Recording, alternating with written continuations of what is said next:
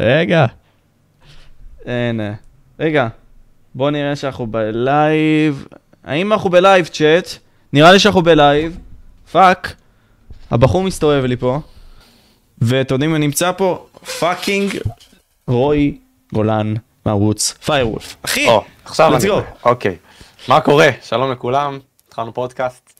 כן, אחי, אחי, אתה יודע, משהו שאני הבנתי מהרבה מאוד מקרים שהייתי עם יוצרי תוכן זה persistence. כמה חשוב, אחי, להיות עם המטרה, וכל הזמן ללכת לתוכה, להמשיך, להמשיך, להמשיך, להתמיד, לחפור, לחפור, לחפור, כי בסוף דברים קורים, ותשמע, נגיד, בגלל שאתה בצה"ל, אז אתה בן אדם מאוד עסוק. קשה להשיג אותך, אבל כל עוד אתה תנסה, אנשים פה יצליחו, וזה כאילו משהו שקיבלתי מה... בכללי הניסיון להביא אותך, ושמח שאתה פה, אחי. אה, כיף לי, כיף לי להיות פה אחי. אני לא הייתי בפודקאסט כמעט אף פעם חוץ מהאחד של טוויל לדעתי, ואני יחסית דחיתי אותך הרבה זמן אני יודע, אבל זה לא בגלל שאני חשבתי שלא היה לי פשוט מה להגיד. כי לא היית שואל אותי שאלות ולא היה לי לא היה לי כל כך מה להגיד. ואחרי שראיתי הרבה פודקאסטים שלך, והבנתי איך אנשים מדברים ואיזה שאלות אתה שואל, אז הבנתי שכן יש לי מה להוסיף לשולחן ואני כן רוצה לעשות את זה דווקא.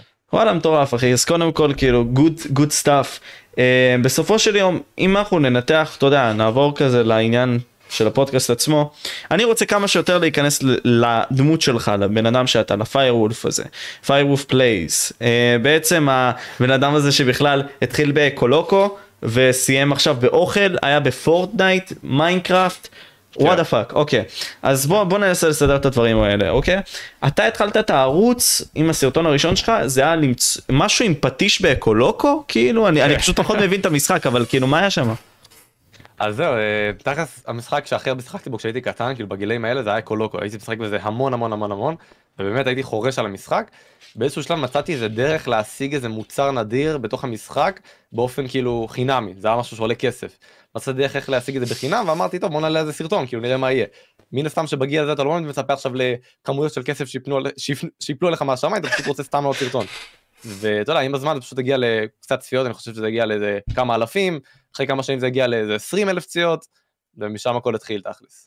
כן, ובאותה תקופה המשכת בקטנה להעלות את הסרטונים האלה, אם אנחנו נסתכל על הערוץ שלך, ובאיזשהו שלב גם הפסקת להעלות סרטונים, כלומר, באיזה גיל קודם כל היית כשעשית את הזמנים האלה עם אקולוקו?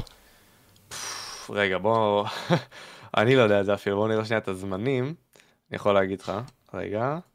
אם אני עכשיו בן 20 והעליתי את זה לפני 11 שנים, אז הייתי בן 9.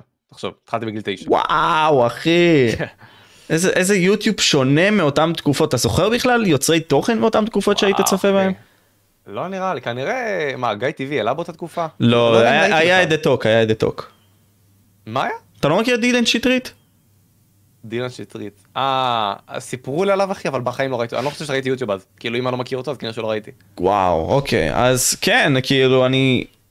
קודם כל העלית את אקולוקו כזה, ופתאום כן. פשוט העלית מייפל סטורי out of nowhere, איך, איך להוריד ואיך להירשם למייפל סטורי, ובסופו של יום כזה, עוד פעם נעצר לך הקטעים עד שהגעת למיינקראפט. עכשיו, בוא, בוא ננסה לפרק את זה ככה, אוקיי? מיינקראפט זה משחק שאני מאוד שיחקתי אותו כשהייתי קטן, יש פה את לייטבוי אפילו, שגם שיחק במיינקראפט והוא בצ'אט. יש הרבה מאוד אנשים ששיחקו במיינקראפט, גדלו על מילר, גדלו על נועם PC גיימינג, גדלו על אותם אנשים, על מי אתה גדלת באותה תקופה? אה אחי, אתה ממש מתקיל אותי פה. אה, הייתה, הייתה, הייתה, הייתה קהילה של מיינקראפט באותו הזמן, אני לא בטוח כאילו מי ראיתי יותר או מי ראיתי פחות. אבל אני לא בטוח שגדלתי על אנשים, לא יודע, זה מוזר. זה מוזר, כאילו, אם אתה שואל אותי מה היוטיובר האהוב עליי באותה תקופה, אין לי אחד כזה. שזה מוזר קצת להגיד, אבל אין לי אחד כזה. אני מניח שראיתי את כל הגדולים, שזה מן הסתם אה, שחר סויקיס, גיא TV, ומי מי היה עוד באותה תקופה, אולי טופ גיק אפילו, כל אלה. אני די בטוח שראיתי אותם באותה תקופה. אבל לא לי אחד שהערצתי אותו לפחות, בארץ אני חושב. לא ראית את מידר Z51 דור ושדו סקופס כלום? לא, לא ראיתי אותם. וואו אחי, holy shit, אוקיי מגניב. אז, אז איך בכלל נכנסת למיינקראפט אחי? אמ, אז אתה יודע, פשוט סתם שיחקתי, משחק שאני ממש אהבתי, ובאותה תקופה הערוץ שלי היה כאילו ממש 400 סאבים, 20 אלף צפיות לסרטון הזה של האקולוגה שדיברנו עליו עכשיו, והראיתי את זה לחברים שלי בח, בחטיבה, אני חושב בכיתה ז' או ח' או משהו, ישבנו בהפסקה, אמרתי להם, שומעים, יש לי ערוץ עם ערוץ יוטיוב שנקרא פיירולף או פיירולף 341 משהו כזה, ויש לי סרטון שם עם 20 אלף צפיות. ובהתחלה שהם אמרו זה הם היו בשוק, הם אמרו מה זאת אומרת, יש לך ערוץ עם כל כך הרבה צפיות ואתה לא משתמש בו? אמרתי כן לא יודע סתם העליתי יום אחד ופתאום רואה שיש לו 20 אלף צפיות זה בכלל לא היה מתוכנן. אמרו לי וואי אתה חייב להמשיך לחזור לעלות לח- לחזור לעלות סרטונים באופן קבוע ואני כאילו. אתם בטוחים שזה רעיון טוב כאילו אני בחיים לא העליתי לא לא חושב שבכלל דיברתי במשחק הזה של אקולוקו כאילו לא שמעו אותי בכלל מדבר אולי אולי בסרטון של המייפל סטורי כן שמעו אותי מדבר אבל באמת לא לא ידעתי מה אני עושה מן הסתם וזרמתי איתם אמרתי להם סבבה בואו בוא נמשיך לעלות בואו נתחיל לעלות את האמת. ובאותה תקופה אני כן ראיתי יוטיוברים של פורטנייט של סליחה של אה, מיינקראפט בין אם זה היה איזה מישהו שנקרא פרפל בארצות הברית או עוד כמה יוטיוברים שהיו בארץ ואמרתי טוב בוא נזרום התחלתי לראות סרטוני SkyWars זה היה באותו קטע הנישה שלי והעליתי כזה כל שבוע כל קטע שזה כל שבוע ביום חמישי אני מעלה סרטון זה זה היה הקטע שלי. כן, כל שבוע העליתי סרטון אחד. ועוד ועוד. כן פשוט המשכתי לעלות בלי סוף עד אז מאז. אז אוקיי, סבבה. איך נכנסת בכלל לגיימינג אחי? כלומר, אולי זה ייקח אותנו טיפה אחורה שוב, אבל מה משך אותך לגיימינג ואיך נכנסת לזה בכלל? אה, לגיימינג. אתה יודע, אני חושב שכולם שיחקו את המשחקים הישנים האלה, מן הסתם זה אייסי טאוור, או ג'אז הארנב, דברים כאלו. אבל אני חושב שהמשחק שהכי השפיע עליי זה תכלס מייפל סטורי, חרשתי על זה המון המון המון זמן. זה היה בין המשחקים שהכי השפיעו עליי כאילו באותה תקופה, ומשם כאילו אני חושב שנכנסתי לגיימינג באמת. כן. יאר מסר לך דש פה, היי יאר, מה הולך? ופריזי אומר שאתה טופ 2 בארץ. אה, הוא אומר שטופ אחד זה נברסיט. איי, מסכים איתו? כן. איי שיש. לא, רגע, מה? אה, לא. אה, אה, זהו, זהו אחי, יאללה בוא. נמשיך, נמשיך, נמשיך, לא משנה. אוקיי. אה, בכל מקרה, אז אוקיי, אמרת לי ששיחקת במשחקים האלה, בין אם זה ג'אז הארנב, בסופו של דבר כולנו שיחקנו גם במשחקי רשת שהיו באותה תקופה, וזה לאט לאט הכניס אותנו לגיימינג. פחות היית אבל בחור של קונסולות, אני מניח, דברים כאלה? לא, הייתי רק מחשב כאילו. כן, מחשב. נכון, לא, היה לי, היה לי פלייסטיישן 2, היה לי פלייסטיישן 3, אז כאילו כן שיחקתי, אבל אני חושב שבעיקר במחשב, תכלס. כן? כן. אז אוקיי, אה, נחזור שוב כאילו כזה, אתה אמרת לי אוקיי, שיחקתי אקולוקו כזה, אמרו לי לחזור ליוטיוב כי אני מטורף עם 400 סאבים, שזה מספרים כאילו פעם, זה הרבה די, כאילו אפשרי להגיד שזה היה הרבה ב-2014 סוג. של. אה, המון. אני זוכר הייתי עם 600 באותה- תקופה של 2015. וואו. כן, מאיפה? אה, היה לי ערוץ בשם נייטסטאר והייתי גם מעלה מיינקראפט, אבל מה שכן, אה, פשוט הפסקתי לעלות כי פחדתי שיפרצו לי לחשבון. לך תבין את הזמנים האלה. כי, אוקיי. למה? כי בסופו של יום אתה מפחד כזה, אתה פתאום אומר כזה, וואי, יש לי סרטונים כל כך מביכים, אתה מתבגר כזה, אתה אומר כזה, יש לי סרטונים כל כך מביכים, למה שאני אשאיר את זה וזה? תכלס, מלא timeless shit הלכו, אבל סבבה, כאילו. כן, אתה חבל, לא ראית כלום. לא.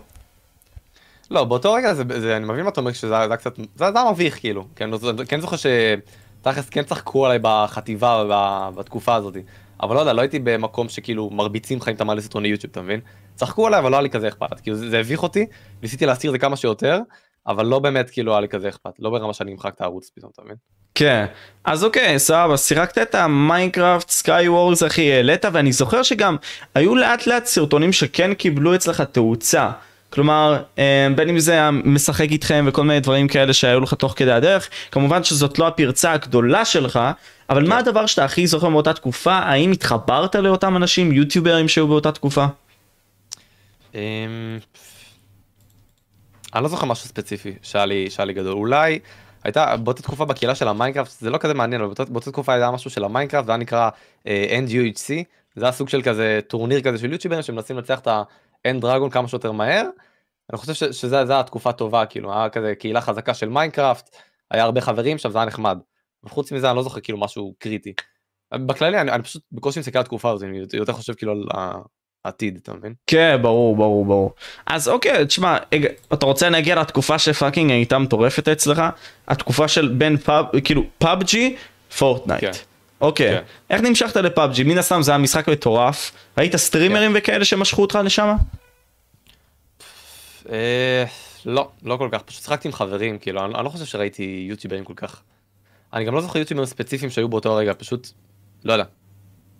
אני, לא חושב על דברים כאלה בכלל, זה לא... לא זה זה זעזעתי, זה כאילו, אצל כל כך הרבה אנשים, נגיד סתם אצלי ואצל הרבה מאוד אנשים אחרים, זה מעניין דווקא שאצלך זה לא ככה, אנחנו מדמיינים תמיד את היוצרי תוכן שראינו אותם, כאילו אמרנו כזה טוב, אם הם שיחקו אז אני אשחק גם. נגיד אני זוכר את זה עם מידר Z51 במיינקראפט, אני זוכר את זה בפורטנייט, וואלה אני לא זוכר אפילו עם מי נגררתי, נראה לי הנינג'ה, סבבה? כאילו, אוקיי. תמיד יש את היוצר תוכן הזה שמוביל אותך למשחק עצמו. ואתה אומר לי בכלל זה משהו שהוזרמתי אליו מחברים שזה מגניב. כאילו תכלס שאתה חושב על זה. אז לא היית, לא היית בכלל קרוב לכל מה שקשור לעולם יצירת התוכן, כנסים כמעט ולא, לא, עד 2017 כזה, זה לא היה משהו רלוונטי מבחינתך. את האמת ששלשום היה לך את הפודקאסט עם ברין דמג' והוא סיפר בדיוק על אה, הכנסים שהיו בכזה במתחם של שרונה שכולם היו קופצים על אה, שחר סויקיס וזה אני זוכר שהלכתי לכנסים האלה כאילו הייתי הייתי מבין המעריצים פשוט ממש ככה רדפנו אחריו אני ממש זוכר את זה. אה, אז אני כן צפיתי ביוטיוב כן צפיתי בשחר סויקיס גיא TV ובכל אלה אבל אה, אני, לא, אני לא זוכר מישהו ספציפי שגרם לי לאיזה ניצוץ להתחיל ליצור תוכן אתה מבין? וואו אוקיי מעניין עכשיו יאיר שאלה של, שאלה בנוגע למייפל איזה קלאס היית. הייתי נראה לי וואי אחי הייתי בישופ מלא זמן הייתי בישופ אתה מכיר קצת? אה, בקטנה אני לא שיחקתי מייפל בכללי. אוקיי אז הייתי בישופ והייתי אה, מהגנבים היה עוד איזה קלאס של גנב הייתי מטורף. היית מטורף. אז כן.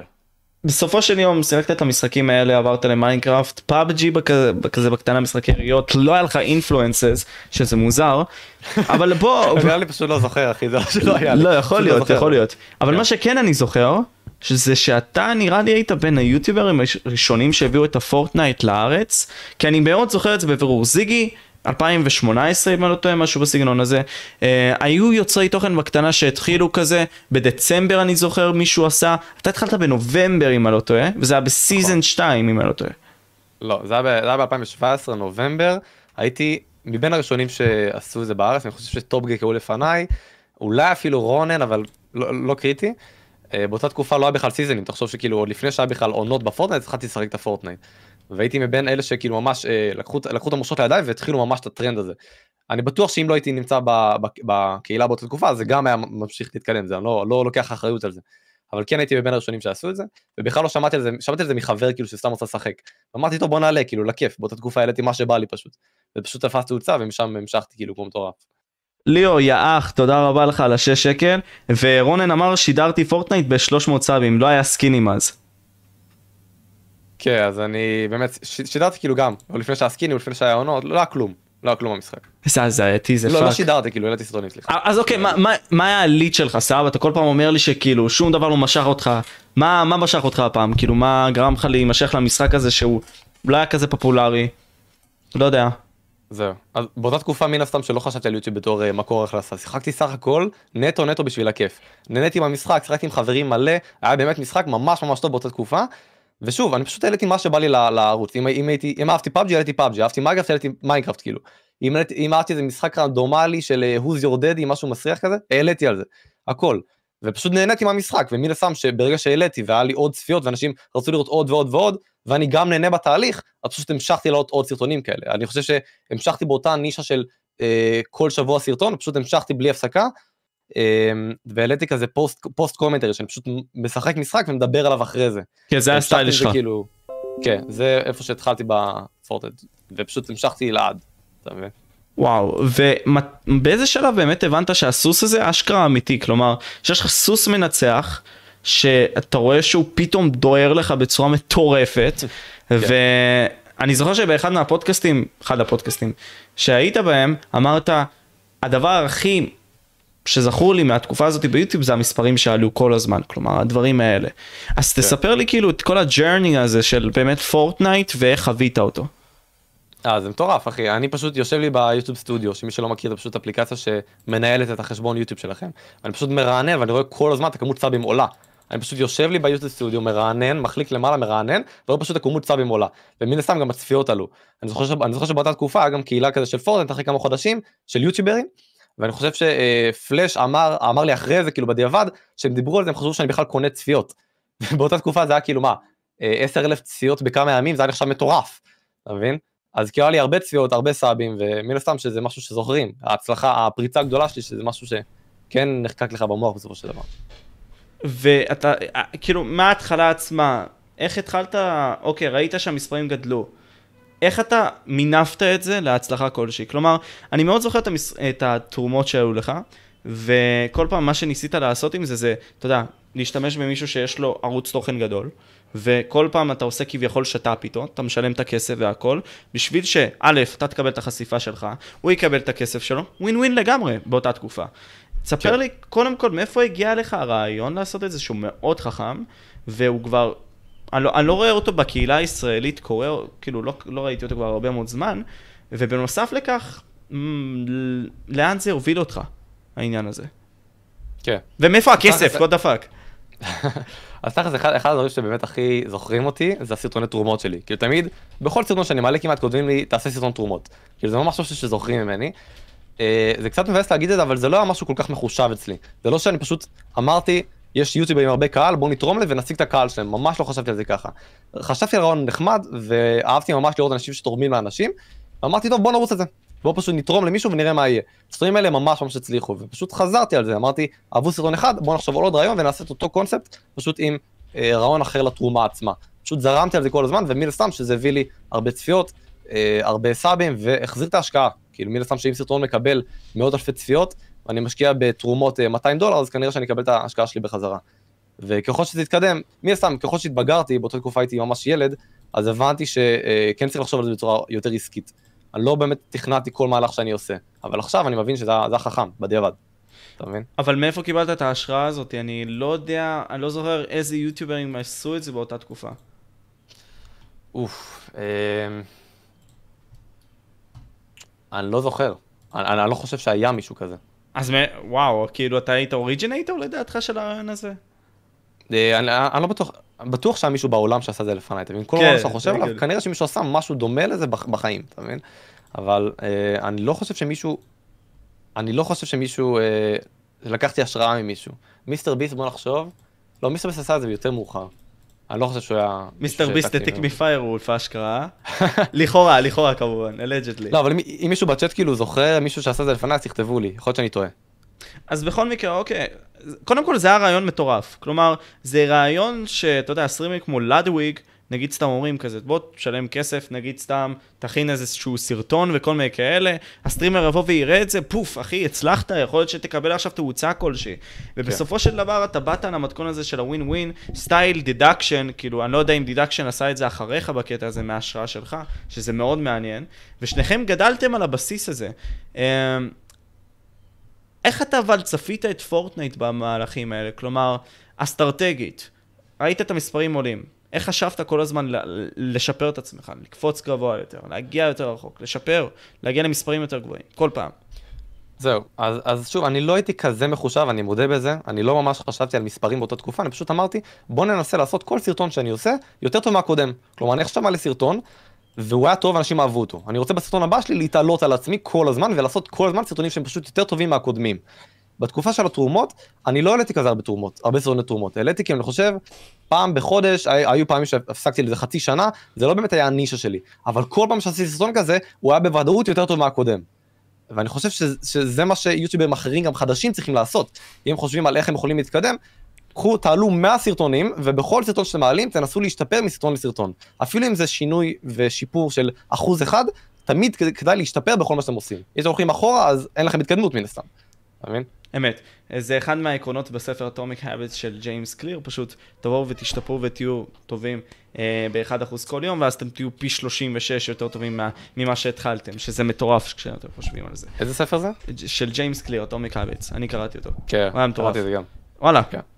כן. אוקיי, אז בסופו של יום, אתה באת וניסית להשתפר כל הזמן. אתה יודע, יש משהו שלייטבוי, שהוא בין האורחים המטורפים שאני מכיר, שאל, כאילו, איך נעשית כל הזמן עורך יותר? כאילו, עורך כזה מטורף.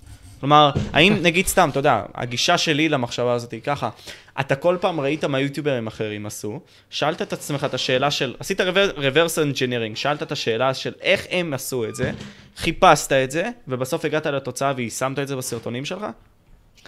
זהו, אז אני חושב שבכללי, באופן אה, ממש ממש כללי, רעיונות שאנשים לוקחים, הם ממש מושפעים מכל מה שהם חווים במהלך החיים, או כל מה שהם אה, סופגים לעצמם, בזיכרון או בתודעה. אז מי הסתם שברגע שראיתי סרטונים בחו"ל או בארץ, וראיתי סגנוני עריכה שאני אוהב, אז איכשהו הכל פשוט, אתה יודע, התמזג כזה לסגנון עריכה שלי. אבל לייטבוי ספציפית שואל את זה נטו כי הוא אה, לימד אותי פעם אחת לערוך בפרימייר, ומאז הוא לוקח אחריות על כל העריכה שלי. אז זה למה הוא שואל את זה. הוא לא פראייר. אבל יש לך עריכות מטורפות.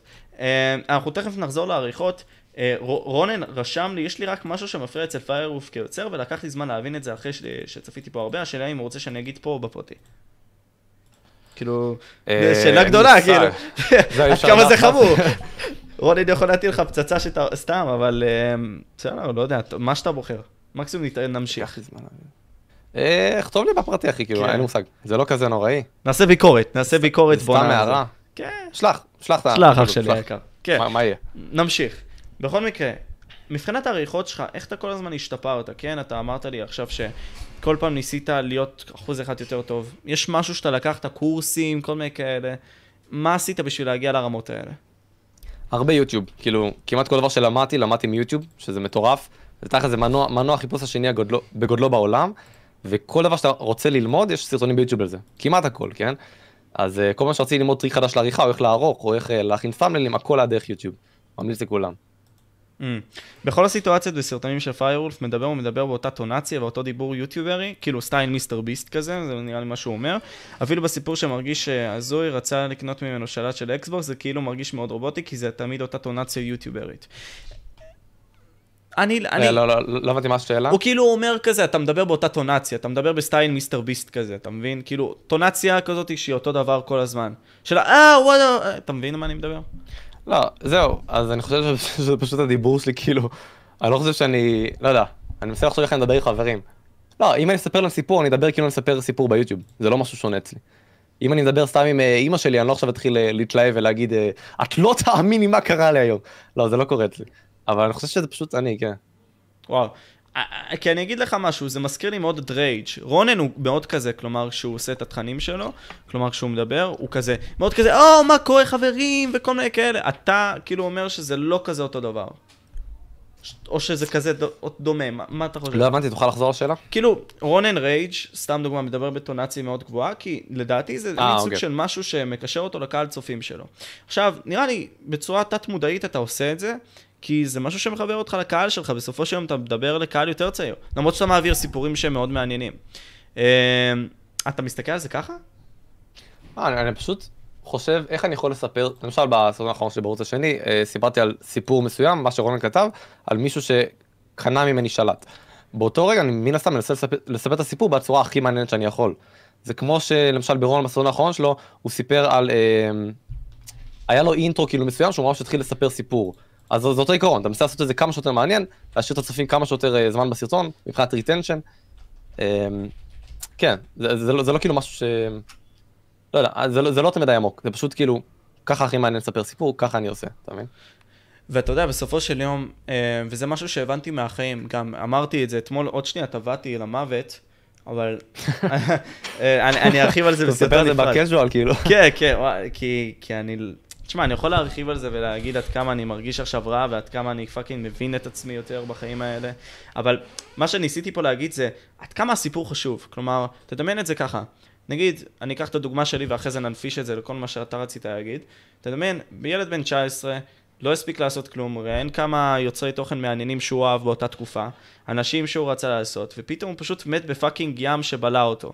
כאילו, הסיפור פה לא מעניין, כלומר, כן, יש סיפורים מעניינים כזה, הוא בא ונגיד סתם האכיל את סבתא שלו קטועת הרגליים, בא וסידר לה את החדר, whatever, לא משהו מעניין. אבל כשאתה בא ועובר קשיים, כשאתה בא ומספר את הסיפור בצורה יפה, יש כזה פעמון כזה, כמו גרף כזה. אה, האם אתה באמת למדת איך לספר סיפור בצורה מקצועית כזאת? באמת אה, ניסית לעבור אפילו על דברים של The Ear's Journey בשביל באמת לבוא ולספר את הסיפור בצורה הכי טובה שיש? שאלה טובה. אה, תכלס, היה לי תקופה שממש רציתי ללמוד איך לספר סיפור טוב. דבר ראשון, זה, זה מאוד מאוד חשוב, כאילו, עזוב את היוטיוב. ברגע שאתה יודע איך לספר סיפור לבן אדם, הוא הרבה יותר מתעניין בך, הוא הרבה יותר מקשיב לך, זה צעד חיובי לכל דבר. אבל אני הפסקתי ממש מהר, כי הבנתי שיש הרבה דרכים לספר סיפור, אין דרך נכונה לספר סיפור. אה, אני חושב שבדרך כלל אם יש לך סיפור למשל שהוא חוויה מהחיים שלך, נגיד מה שקרה לי, שאני מכרתי את השלט, יש דרך לספר אותו כמו שתספר כאילו לחברים. אגב, אני אומר דוגמה, אגב מכרתי שלט, מכרתי אותו ב-400 שקל, יצאתי ממש אה, ברווח. אבל אם אני רוצה לעשות מזה סיפור יוטיוב, אני כן אעריך קטעים מסוימים, למשל, באותו סיפור, המוכר בא והפתיע אותי ממש על הדלת של, ה... על הדלת של האוטו שלי ודפק לי על החלון. אז באותו רגע זה היה ממש כאילו עניין של שניות, אבל בזמן שסיפרתי את זה ביוטיוב, לקח לי איזה רבע שעה עד שיצאתי מהאוטו, אתה מבין? כאילו לא רבע, לא, לא רבע שעה, סליחה, ר- רבע דקה, 15 שניות כאילו. ו... זהו, אז ברגע שאתה מספר סיפור ביוטיוב, אתה, יש לך דרכים להפוך אותו ליותר מעניין. ובאמת בכל סיפור ככה, זה פשוט השאלה למי אתה מספר, מה המטרה שלך בסיפור, כמה זמן אתה רוצה שהוא יהיה, זה, זה, זה ממש ספציפי, אתה מבין? אוקיי, אז אתה אומר לי בסופו של יום זה תלוי מצב, זה תלוי מה שאתה רוצה להעביר, אבל פה, פה נתקלתי בזה בצורה הזאת, כלומר, כשאתה מנסה לספר סיפור, יש דברים שיכולים לעזור לסיפור שלך להיראות יותר טוב. כלומר, אנחנו בתור יוצרי תוכן צריכים תמיד לשאוף למה שהסרטים עושים. כלומר, בין אם זה בטונציה, כמו שאתה נגיד סתם עושה, בין אם זה בזוויות וההמחשות, כמו שנגיד סתם בסרטים עושים. בין אם זה גם, כאילו, בזומים in and outs, בין אם זה גם במיוזיקה וכל מיני כאלה, איך אתה מרכיב סרטון מהיסוד? כלומר, אני, אנחנו רואים את העריכה שלך, שאתה כל פעם מעלה לסטורי, מתלהב כזה, אה, והכל. מה, איך מתחיל עריכה אצל רוי גולן פיירוולף? איך אני עורך הכוונה? כן. אוקיי, אז אה, סופר פשוט. כאילו, דבר ראשון, לפני העריכה אתה צריך לחשוב על הסרטון. כאילו, הסרטון לא יכול לצאת טוב, לא משנה כמה אתה עורך אותו, אם התוכן גרוע. אם התוכן גרוע, רוב הסיכויים שהסרטון לא יהיה טוב פשוט, נקודה. אז לפני שאני מקליט, למשל בסרטון האחרון שיש לספר סיפור, אני ממש חושב על בדיוק מה אני אגיד, נקודות ספציפיות שאני רוצה להגיד, וממש חושב על כל הסיפור בראש, לפני שאני בכלל מדבר. אחרי שאני מקליט, אז אה, מן הסתם יש את החלק של הקאטים, שאתה לוקח את הקטעים החיים בסרטון, אם אני נתקע בדיבור אני לא שם את זה מן הסתם, כי זה לא מעניין לאף אחד, ואחרי זה, מן הסתם שמים מוזיקה, משהו שיותר מתאים לסרטון, זומים מסוימים כדי לעניין את הצופה, זה, זה הרבה הרבה שיטות, כאילו זה לא, זה לא על רגל אחת, אני חושב. כן, כלומר, בוא, בוא, בוא ננסה לפרק את זה, כלומר, בין אם זה בטקסטים שקופצים לך, בין אם זה בזוויות הצילום שנעשות לך, בין אם זה ברגע של אקשן, שזה השיא שלך, ואז הוא פשוט יורד לנקודת הסוף של הסיפור. בסופו כן. של יום אתה מנסה כל פעם שיהיה משהו מעניין לצופה. כי אנחנו חיים בדור שלפי המחקרים שלו ב-2002, אם אני לא טועה, יש לו שבע, שבע שניות של תשומת לב, שהוא יכול להקדיש למשהו. וכמובן כן. עם דור הטיק טוק אנחנו יכולים לבוא ולשער שהתשומת לב של הצעירים פחתה, כאילו בצורה כן. משמעותית. אז כן. אתה בסופו של יום מנסה כל שנייה, בכל דרך שהיא, בסופו של יום לעניין את הצופה. כן, לא, יש, יש לי כמה טעויות, למשל בסרטון האחרון עשיתי טעות גדולה. אה, סיפרתי את הסיפור ואנשים ממש התעניינו בזה, אבל בסוף הסיפור קצת התחלתי לשחק פורטנט, כאילו אפילו, אפילו אם זה היה 40 שניות זה היה טעות גדולה. כאילו לאף אחד לא אכפת מהפורטנט, זה מה שאני חושב אגב, זה עוד נקודה. לאף אחד לא אכפת מהפורטנט, מה, מהמשחק עצמו, לאנשים מאוד מאוד בודדים. הקהילה של הפורטנט ממש ממש קטנה. וכדי עדיין להפיק תוכן של פורטנט שהוא מעניין צופים באופן גלובלי, לא רק צופים שממש אוהבים אה, את כל העדכונים החדשים של פורטנייט, צריך לעשות משהו שהוא מעבר לפורטנייט. אה, אז באותו סרטון, התחלתי פשוט לשחק פורטנייט ואמרתי אם אני אמצח את המשחק הזה תירשמו לערוץ סתם כאילו לכיף כי כבר הייתי ב end game וסיימתי את הסיפור אמרתי בוא נמשיך זה הטעות גדולה. אה, באותו זמן ה retention ממש ממש ירד חזק וזה היה טעות ממש קטלנית כאילו הייתי, הייתי פשוט צריך לחתוך את הסרטון באותו רגע שהסיפור נגמר ולסיים את הסרטון באותו הרגע. אה, מה הייתה השאלה שלך? לא אז זה על הקטע הזה ממש, דיברת גם על ה retention, כאילו אם אני אמשיך איתך. כן. סאני ויטו עושה דבר כזה, כאילו אני, אני מניח שאתה רואה את סאני ויטו, שהוא כאילו יכול עושה הוא דווקא מסיים את הסרטונים שלו ישר, כאילו, אפילו לא מסיים את המשפט סיום שלו, כי הוא לא כזה רלוונטי, ישר מסיים אותו. אני, מעניין אותי לשאול, כאילו, מה ה retention שלך בערך בסרטונים, כאילו, מה ה-average retention שלך? אם, אם אתה... מאוד... אם אתה באמת עושה את זה בצורה כזאת טובה. אז זה מאוד משתנה, שוב, בסרטון האחרון עשיתי טעות גדולה, אבל היה לי בין ה retention הכי גבוה שהיה לי כאילו בחיים בסרטון האחרון, לפחות בערוץ השני, היה לי אה, 70 אחוז retention, ו... זה היה 6 דקות מתוך 8, שזה, שזה, רגע, 6 דקות מתוך 8 וחצי, סליחה. זה היה 70 אחוז, ואתם תראו את הגרף כאילו פשוט הולך ככה, ישר. ישר עד שאני מגיע לחלק של הפרונט ואז בום זה יורד. אז עשיתי עבודה ממש ממש טובה, כאילו הצלחתי, הצלחתי, ברגע שצופה התחיל את הסיפור הוא סיים אותו, כל צופה, כאילו נשאר לו אותו אחוז, שזה היה ממש ממש טוב. זה בין הגרפים הכי טובים שהיו לי כאילו, בסרטון האחרון. כן. תן לי רק לסגור את הדלת שלי, וואי אחי, אני, זה גם אחד סיפור, וואי וואי וואי, רגע רגע. יאללה.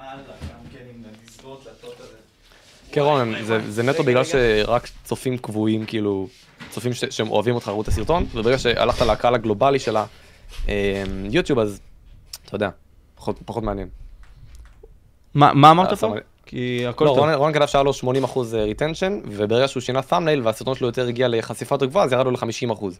וזה נטו בגלל שצופים שהם לא רשומים, ראו את הסרטון שלו ופחות התעניינו. אה, וברגע שאתה מציג אוקיי. סרטון שהוא נטו לצופים שלך, הם יותר התעניינו, כי הם מכירים אותך כבר, אתה מבין? כי הפכת אותו ליותר אטרקטיבי בכניסה, אבל פחות מעניין בעלילה. כן, זה, זה פשוט כאילו ברגע שאתה מציג סרטון לקהל יותר רחב, אז פחות מעניין אותו, אתה מבין? אבל איך, איך פה נגיד סתם הדוגמה האנקדוטית הזאת, אנחנו יודעים שזה עניין את הקהל הרחב, בזמן שהטאמנייל הראשון שלו, שהוא היה פחות טוב, so called, היה לקהל יותר מצומצם. כאילו... כן, אז הסתם הראשון שלו פשוט היה כנראה פחות אטרקטיבי, אבל צופים שראו שרונן GG העלה סרטון והם אוהבים אותו אז הם נכנסו לסרטון. אז אני מניח שבאותו רגע רוב הצופים שלו היו רשומים ולא לא רשומים. ובגלל זה ה retention שלו היה גבוה, אבל ברגע שהוא הגיע לצופים שלא מכירים את רונן, אז פחות מעניין אותם לראות את הסרטון, אתה מבין? כן. אם אנחנו ניכנס עכשיו לסטייל שלך בסרטונים שלך, יש סטייל שאתה משתדל, או לא יודע, לקחת ממנו השראה גדולה בחו"ל, או שזה הרבה מאוד סטיילים שונים שמנסים למקום אחד כזה, אתה יודע, אתה מאחד אותם. אתה מדבר על סרטון ספציפי או בכללי? לא, אני מדבר איתך בכללי, בתור מה שאתה עושה בפיירוולף. אה, אנחנו מדברים על הפורטנייט, עדיין לא דיברנו על האוכל, כן, אנחנו מדברים אה, על באמת הפורטנייט, סבבה. וואו, מעטים היוטיוברים של הפורטנייט שאני עדיין צופה בהם, באמת, כאילו, אני שוב אומר, זה נושא לדעתי מאוד משעמם, כרגע, אותי לפחות, שוב, ממש כאילו מדייק במילים, אבל אמ, לדעתי היוטיובר הכי טוב של פורטנייט כרגע זה נוה נוה, מי שמכיר, יוטיובר טוב של פורטנייט, ומבחינת הסיפורים, לא, לא ראיתי מישהו ספציפית שעושה את זה בפורטנייט, אבל כן היה יוטיוברים שהרבה סיפור סיפורים, למשל לייזר, אתה בטוח מכיר אותו? לייזר, כן. אז זהו, אז uh, הוא עשה הרבה סיפורים, אמרתי סתם בוא ננסה לעשות את זה גם בפורטנייט, כי היה לי סיפור ממש מעניין. אני לא יודע אם אני אמשיך את זה, כי זה ממש קשה פשוט להמשיך לחשוב על רעיונות לסיפורים מעניינים, אתה מבין? בפיירוולף 2, כן? כן, בפיירוולף 2. אבל אז מה אתה הולך לעשות עם פיירוולף 2? אני פשוט, המטרה שלי בערוץ השני זה להעלות מה שבא לי, אתה מבין? אם אני רוצה סתם לעלות לייב לאוברוואץ' 2 שיצא עכשיו, אני אעשה את זה. אם אני סתם רוצה לעלות על אה, סרטון על היי, קניתי אייפון 14, אני אעשה את זה, אתה מבין? אה, אבל אני כן, המטרה שלי שם זה פשוט להתרכז ב gaming, יותר ב gaming, שם לעלות תוכן בתדירות יותר גבוהה, ובערוץ הראשי לעלות אה, סרטונים טובים בתדירות פחות גבוהה. Mm, אוקיי, אז זה, זה סטייל, זה משהו שמאוד מעניין אותי ואני לא מבין למה יוטיוברים גדולים עושים את זה. כלומר, יש אותך שעושה את זה, יש את רונן שעושה את זה, יש את אה, כאילו פדיקסול שעושה את זה בנישה טיפה אחרת. אה, אתם, אתם מתעסקים באוכל. Uh, ואני זוכר שאמרת שבסופו של יום רצית לעבור מהגיימינג, שכבר ראית שהפורטנייט נופל והכל פחות או יותר. אמרת, אוקיי, פורטנייט אני אעשה משהו שאני אוהב, שזה הוולוגים האלה. עכשיו, כן.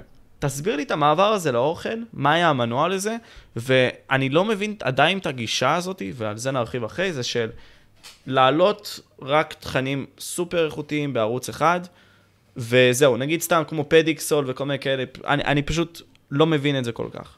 אבל בואו נתחיל קודם כל מהעניין הזה של המעבר לאוכל.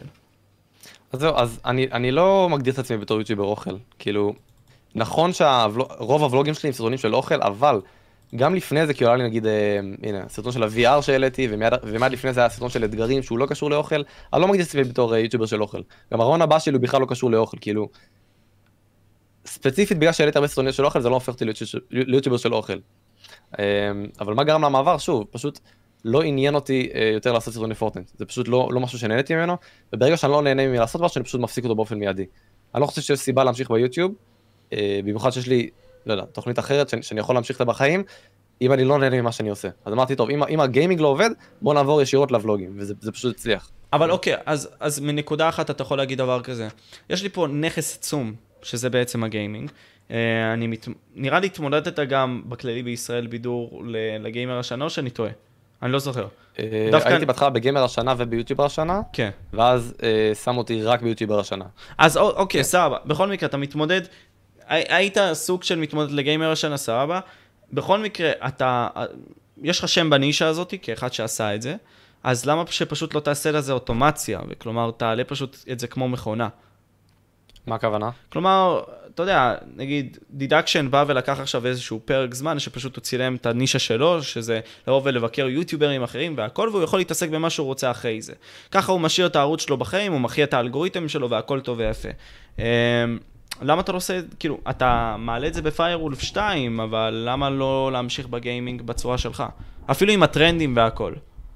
זהו, זה, זה נושא שאני עדיין לא כזה בטוח בו במאה אחוז. גם לאחרונה שאלתי את רונן, אפילו בהודעה פרטית בוואטסאפ, מה לדעתו אני צריך לעשות, האם אני צריך להמשיך בערוץ אחד או בשני ערוצים.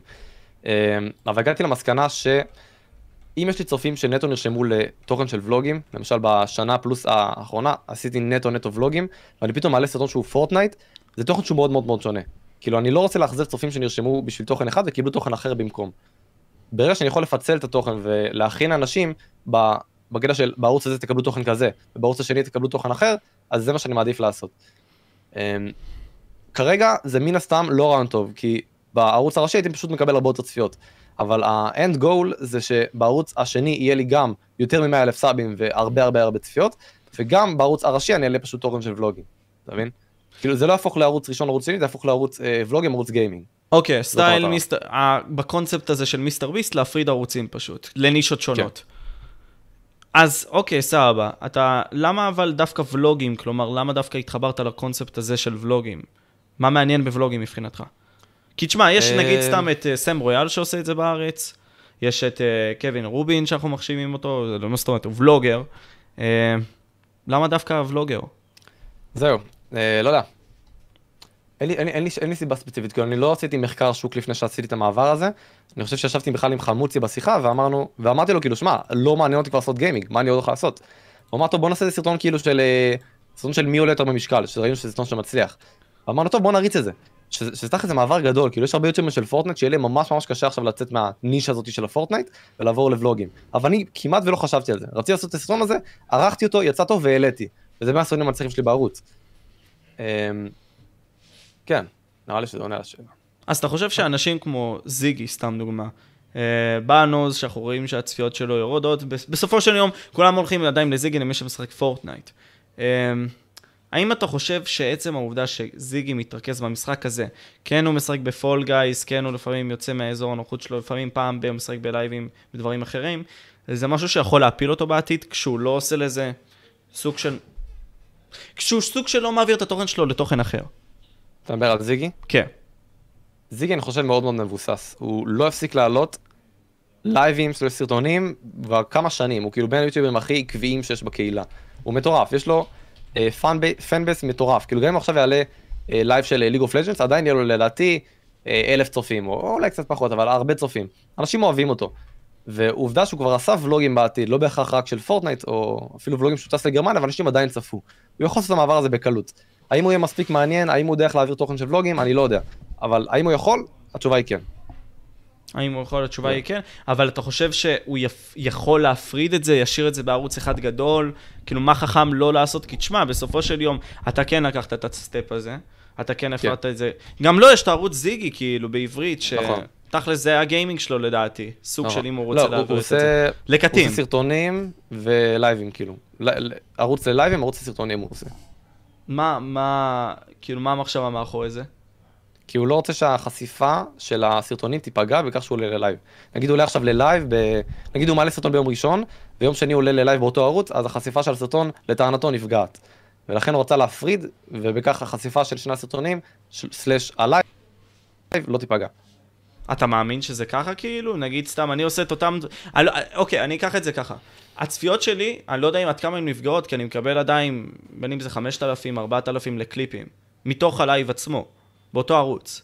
עכשיו, אני כן. לא יוטיובר גדול, אבל בואו ניקח את זה כקונספט, נגיד את סניקו בחו"ל. סניקו, יש לו את ערוץ סניקו, אם אתה מכיר, שהוא. כבר ירד והכל, אבל הוא היה מעלה גם את הלייבים וגם חלקים מהלייבים באותו ערוץ. כן, אה, זו- שאלה מעניינת, באמת, אני חושב שבמקרים כאלה באמת צריך להשוות לחו"ל. כאילו, כל דבר שאתם, שאתם לא יודעים מה לעשות, תראו דבר ראשון מישהו עשה את זה בחו"ל ומישהו הצליח. כי תמיד יש כאילו אה, עובדות בשטח. למשל מיסטר ביסט החליט להפריד ערוצים בין שורטים לגיימינג, ל- ל- לערוץ הראשי שלו. בקטע של החשיפה, אה, אני, אני לא יכול להגיד סתם כאילו בוודאות מה אני חושב, אבל אני חושב שאם סרטון הוא מספיק טוב ויש לו מספיק retention ומספיק click rate, אז אה, אנשים עדיין יצפו בו לא משנה אם, אם עשית לייב לפני זה, כאילו יוטיוב עדיין יקדם סרטון שהוא טוב. זה אני חושב, אבל זה לא 100%, כי לא חקרתי על זה, זה לא משהו שעסק בי אי פעם, אתה מבין? תשמע, אני, אני, אני מאוד חושב על זה מבחינה תיאורטית, אם אנחנו עכשיו נלך ליוטיוב, הרי יוטיוב בסופו של יום רוצה להשאיר את ה fan base שלה בתוך יוטיוב, ולדעתי בסופו של דבר, הצופים עצמם, אם הם נמצאים באותו ערוץ, אז הם הולכים ללייב שלו, סבבה, מסתיים והכל טוב ויפה, אז הם גם ככה מקבלים עוד התראה לסרטון, נכנסים ואם הם אוהבים אותו, אז לא אמורה להיפגע החשיפה, כי אם אתה אוהב את הסרטון הזה, אז הסרטון אמור להתפוצץ כרגיל, לא נראה לי אמור להפריע לו זהו. משהו. כן, כן. זו שאלה טובה, אבל מצד שני, הוא עדיין החליט לעשות... מה אתה אומר? רגע, משום מה לא שומעים אותך. רגע, אתה שומע אותי? וואלה, אני לא שומע אותך רגע. holy shit, צ'אט. הפסקתי לשמוע את, את רוי. רגע. הלו? או... holy fucking shit, זה השכנים. למה? רגע, רועי, אתה לא שומע אותי? דבר שנייה. תוריד את ה mute מהזה.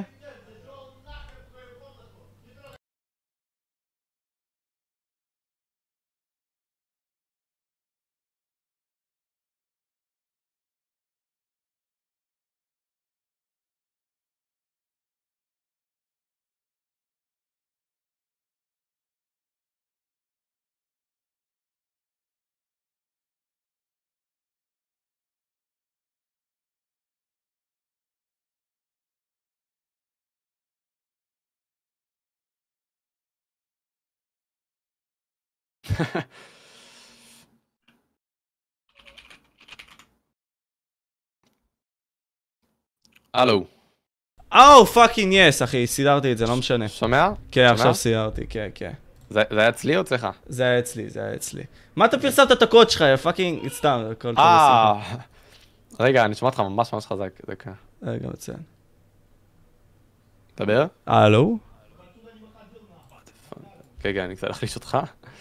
דבר שנייה? הלו? כן. סגור. בקיצור, מה אני אומר לך? איפה דיבר, איפה עצרנו? אמ, כן, לגבי זיגי, אני חושב שאם אם הוא בסופו של דבר עשה את המהלך של לפצל את הערוצים, כנראה שהייתה לו מן הסתם איזה פגיעה בחשיפה של הסרטונים שלו, הוא לא עשה את זה סתם. אה, יכול להיות שהמצב עכשיו שונה, אבל אם הוא עשה את זה, אני בטוח שיש לזה משהו מאחורי זה, אתה מבין?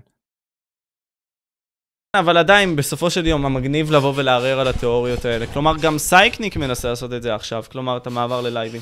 דיברת איתו על זה בכלל, המעבר שלו ללייבים, ומה שהוא רוצה לעשות? כן, מדבר איתו הרבה. אז מה, מה אישית חשבת בנוגע לזה שהוא מנסה לעשות לייבים, גם עכשיו סרטונים והכל? נגיד, אתה יודע, משהו שאני חושב שהוא בעייתי בקהילה שלנו, זה שאף אחד לא לוקח לקטים מהלייבים שלו, וכשאחד לוקח, פתאום זה בעיה. כי בעצם הוא ממחזר תוכן, ונגיד סתם אצלי, לפחות נתקלתי, וזה דוגמה אנקדוטית אצלי, כן? אבל אני מניח שזה גם בשאר הקהילה, אם אתה ממחזר תוכן מהלייבים שלך, זה בעייתי. למה? כי אתה מנצל או רוכב על אנשים אחרים. אתה מבין מה אני אומר? לא הבנתי, אם אתה לוקח, אם, אם עכשיו אני עושה לייב, אני לוקח קליפים מתוך הלייב שלי, זה, זה נחשב לנצל לאנשים? לא הבנתי. לנצל או לרכב נגיד סתם על המשחק, לח- לחלוב את המשחק, לחלוב את האנשים, זה לא משנה. לא, אני לא חושב. זה... טוב, בוא, בוא נגיד שאני עכשיו עושה סרטון, ואני מעלה קליפ שלו על הטיקטוק. אני פשוט מראה, מראה את אותו קליפ לאנשים שעוד לא ראו את הערוץ שלי, אני מקבל עוד חשיפה. אז אני לא חושב שזה בהכרח לחלוב, אני פשוט מקבל עוד חשיפה לאותו תוכן. אתה כיום צופה באיזה יוטיוברים? בארץ? כן. אה, טוב, אני חושב ש- שמחובתי בתור יוטיובר זה, זה להיות מעודכן בכל מה שקורה ב- בקהילה. אז אה, אני צופה, אני צופה בכל הגדולים בארץ, זה בטוח, ובחו"ל, אה, וואי, זה מוזר, כי אני תכף צופה, כל מה שיש יש לי במומלצים, פשוט אין לי משהו מוגדר, אבל מיסטר ביסט צופה כמעט בכל פודקאסט שלו, לומד ממנו המון, ו... בוא נראה. בוא נראה. יש גם את הסיידמן שהם טובים. הסיינמן מטורפים, כלומר, כן. הם בסופו של יום, אני מסתכל על זה ככה, יוצרי תוכן הם המשפיענים של העתיד, יכולים להיות הפוליטיקאים והכל, יש להם סטארט-אפ שזה הערוץ שלהם, הם יכולים בסופו של יום לגרום לכך שהם יעוררו עניין אצל הצופים, ובכדי להצליח הם צריכים פשוט להישמע לאלגוריתם, שזה בסופו של יום מה שאנשים אוהבים. כן. זה basically את. אתה אומר לי. מיסטר ביסט, סיידמן, מי עוד אתה אוהב? אתה רואה את אה, ספיד? נגיד, כן, לפעמים, הוא אחד המצחיקים, לדעתי הוא בין המצחיקים כאילו שיש בעולם. וגם אה, ריין טריין, אתה מכיר אותו? ריין טריין מכיר אותו, כן. זה הבחור הזה הוא- עם, עם ה- זה כל יום שהוא צילם, מ cent כן. ל whatever. אני, לא- אני לא זוכר, ראיתי את זה אבל. הוא- הוא- הוא מטורף, הוא כאילו בין היותר הטובים שיש בעולם לדעתי, והוא הוא גם יהיה בין הגדולים. גם אראק ממש ממש טוב, הוא גם יהיה בין הגדולים בעולם, אני בטוח בזה. וזהו, אראק עומד להיות ענק, כאילו ממש ממש, אם הוא ממשיך ככה עומד להיות ענק. מה זה גם- זה גם מיסטר ביסט אומר, זה לא רק אני. מה שכן, כאילו, נגיד רונן פה רשם שהוא היה רוצה לפתוח Sidemen כזה, אבל עוד פעם, בסופו של יום, כאילו, כמו שאתה אומר, אין פה יוצרי תוכן שיבואו וילכו על זה, כאילו, לבוא ולעשות Sidemen גדול כזה. אין פה את זה, גם אין פה מספיק כסף לזה, בשביל לעשות דבר כזה. כן, את מי הוא יביא תכלס? דה זון? אה, לא לא, יודע. אבל לא, לא disrespect, אבל אשכרה, כאילו, אין פה יוצרי תוכן ענקיים שאתה. יכול לזרום איתם. אה, בצחוק, פשוט, זהו, צריך יוטיוברים גדולים. כן. עכשיו, משהו שכן אני רואה פה בבעיה מסוימת, זה קודם כל חוסר בכסף אצל יוצרי תוכן, שבסופו של יום, אתה יודע, קורה פה מקרים שאתה יכול לא לעלות והכל טוב, כאילו אין פה מספיק תחרות. אם אתה עכשיו רוצה לבוא ולעקוף את כולם, זה או שאתה צריך לבוא ולרכב אחוז שרמוטה על טרנד שלא קיים, כן. או שאתה צריך לגרום לאנשים להתעניין במשהו שלא קיים בארץ, תכלס, או לחלופין, אתה צריך לתרום הרבה מאוד כסף, או להתפתח עם כסף, ואז להגיע למטרה הזאת כן. של הרבה מאוד סאבים. נראה לי לפחות, ככה אני רואה את זה, כי אני לא זוכר יוטיובר מאז ימי הפורטנייט שגדל בעד עצמו והגיע להרבה מאוד סאבים. אה, אתה יודע, זה מעניין, זה מעניין ממש. כי נגיד דילן דרור, יש לו הרבה כסף, כנראה מהמשפחה שלו, והוא הוא פשוט, כאילו, כל הסרטונים שלו סובבים סביב כסף. כלומר, איזה סרטון היה לו אם לא היה לו כסף או משאבים מסוימים כמו שהיה לו, אתה מבין? זה מוזר. נכון. חוץ מדילן, נכון. מאוד דוגמה אולטימטיבית. זהו, אז אמ, איזה יוטיובר פרץ דרך לאחרונה? אני לא, אני לא מכיר את האמת. אה, אולי, אה, יש את אה, נועם פירוס שהוא יחסית גדל מאוד לאחרונה, אה, אבל הוא לא, הוא לא, הוא לא כזה מבזבז הרבה כסף, האמת שזו דוגמה טובה, הוא פשוט עושה תוכן שמעניין אנשים. זה מעניין, נועם פירוז אה, כוכב הבא כאילו, ממש כאילו, הוא גדל בקצב ממש טוב. כן, הוא כבר במאה ומשהו אלף, יש לו גם ערוץ קריפטו, אה, השקעות וואלה. ומניות, כן. אה, כן, הוא לא פראייר, יש לו הרבה עסקים גם מחוץ ליוטיוב. אז זהו, ובסופו של יום הוא מקבל CPM גבוה, שמי שלא מכיר CPM זה קוסט פר, אה, מה? שכחתי, עוד הפאק היה לי brain fart. וואו, לא יודע. אה, קיצר, הוא מקבל CPM, נגיד סתם לכל אלף אה, צפיות שלו, אם אני לא טועה, הוא מקבל איזה 8 Impression. דולר. רגע, מה? לא, cost per... קיצר, לא משנה. כן, כן, זה impression, זה impression. זה impressions? למרות שזה ב-M, כן, נראה לי. אז בקיצור, per mille, אה, per mille, per mille, טעות שלי. אוקיי, אז הוא מקבל בעצם CPM של קרוב לתשע, אני מניח, דולר, שזה יחסית הרבה בזמן שאנחנו מקבלים בגיימינג כמה? שלוש, ארבע? במקרה הטוב. שלוש ארבע זה לא, מה פתאום, אחד, אחד עד שתיים בגיימינג. וואלה. כן, בטח. זה על הפנים. לא אז, טוב. אז כאילו אני שואל את עצמי שאלה כזאת, סבבה? כל, נגיד רונן פה, יש פה הרבה מאוד יוצרי תוכן פה שהם גם כזה לרקרים והכל. למה בסופו של דבר, או איך בסופו של דבר אפשרי להתפתח לכך שאנחנו נעשה פה פרויקטים ענקיים מטורפים, כמו ש-XQC עושה בחו"ל, כמו שלדוויג עושה, סתם דוגמה, והכל, אם אין לנו כסף שיבוא ובסופו של יום יממן את הדברים האלה. כלומר, לאן אנחנו בתור יוצרי תוכן צריכים לגשת, לדעתך, בשביל להגיע למקומות האלה. כלומר, אה, כן, רונן עכשיו בא והולך על פנטה וכל מיני כאלה, אבל אני מדבר חסות, proper חסות, לתוך השידור שלך, שתהיה איתך, כמו שסנקס מקבל על פורטנייט בטוויץ'. אני פשוט חושב שעדיין למפרסמים בארץ אין מודעות אה, לכוח הגדול שיש ליוצרי תוכן, אתה מבין? למשל, אם הייתי מגדיר את זה, הייתי אומר שיו- שבישראל אנחנו בערך שנתיים, שלוש אחורה מארצות הברית, או מדינה בחו"ל אחרת. כאילו, אם למפרסמים היה באמת אה, ידע על כמה השפעה יש ליוצרי תוכן, או כמה הם יכולים למכור להם אשכרה מוצרים לחברה, אז היו הרבה יותר מכניסים כסף לתעשייה הזאת. זה פשוט עניין של זמן. כאילו, קח שנתיים קדימה, אני חושב שהמצב יהיה שונה לגמרי. כן. מה מה אתה חושב חסר ביוטיוב ישראל בקטע הזה, חוץ מכסף, אם כבר דיברנו על זה? אני, רונן רשם פה, יש פה, הוא כמובן מגזים, כן? אה, שכאילו הם חסרי כישרון, רק מעניין אותם הכסף, לא לחזק את המותג שלהם ואת הערוץ שלהם, הם כאילו חאפרים כאלה, בוא נגיד ככה. מיוטיוברים בכללי? כן? ישראלים, ישראלים. איפה אתה רואה, אה, נגיד, סתם שיש פה דברים שחסרים בארץ? לא הבנתי מה הוא אמר. אצל היוצר, אה, כאילו אמרת הוא, אמר שכביכול כאילו חאפרים, עצלניים כאלה, שלא באמת יש להם מוסר עבודה מטורף, שלא רוצים באמת לעשות שינויים, כולם באזור נוחות שלהם בעיקרון. נגיד, מה אני אתה לא רואה שחסר אה, פה? אי אפשר- להכליל את כל היוטיוברים, יש יוטיוברים שעושים את זה כמו שצריך. אבל מה חסר פה? לא יודע. אני מניח שאנשים פשוט, כן, כמו שהוא אומר, אנשים שיותר אכפת להם, אנשים שיותר יודעים מה הם עושים. כן, אפשר להגיד את זה. מה לא זה- מה זה אומר? פעם. כן, בוא נגיד שעכשיו יש לנו יוטיובר עם אה, 300 אלף רשומים, שהוא רק מסטרים כל היום, והוא בקושי מתעסק בחסויות. אם תיקח אותו בן אדם, שיותר אכפת לו מחסויות ויותר יודע מה הוא עושה, שיותר חושב בצורה עסקית על מה שיש לו בידיים, אז אני מניח שהמצב היה שונה. כאילו, אם כל יוטיובר גדול בארץ היה אה, עם יותר ידע בתחום העסקי, אז אני מניח שגם התעשייה הייתה מתקדמת יותר ב- ביוטיוב.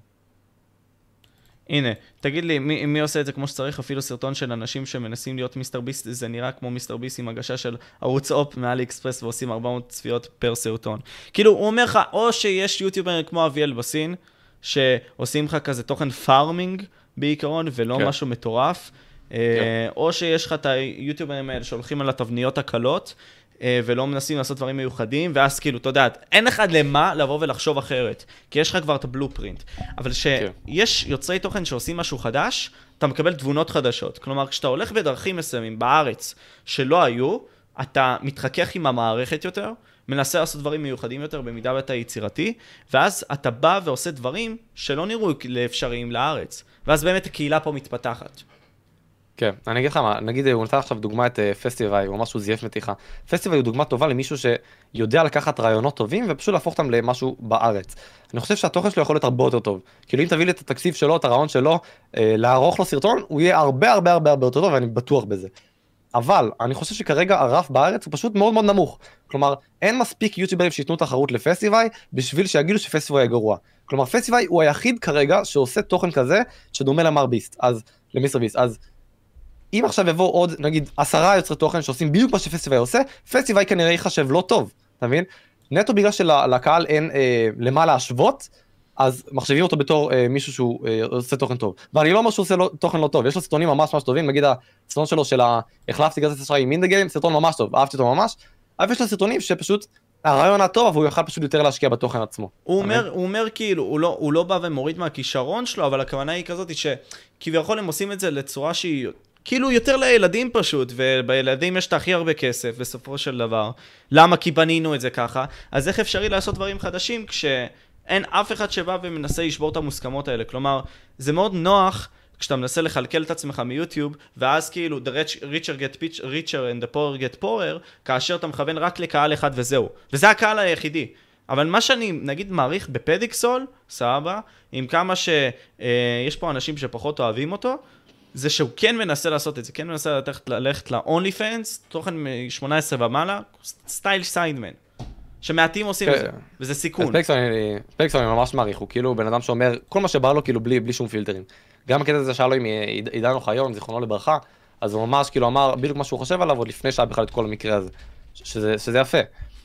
אה, בכללי, אה, גם מישהו כתב אה, דילן דרור, דילן דרור גם כאילו עושה תוכן אה, עם הרבה תקציב, אבל שוב, הוא בחיים לא הומלץ לי ביוטיוב, כאילו אני, זה לא תוכן שהייתי צופה בו או צורך בו בעצמי, לעומת מיסטר ביס שאני מאוד נהנה מהסרטונים שלו.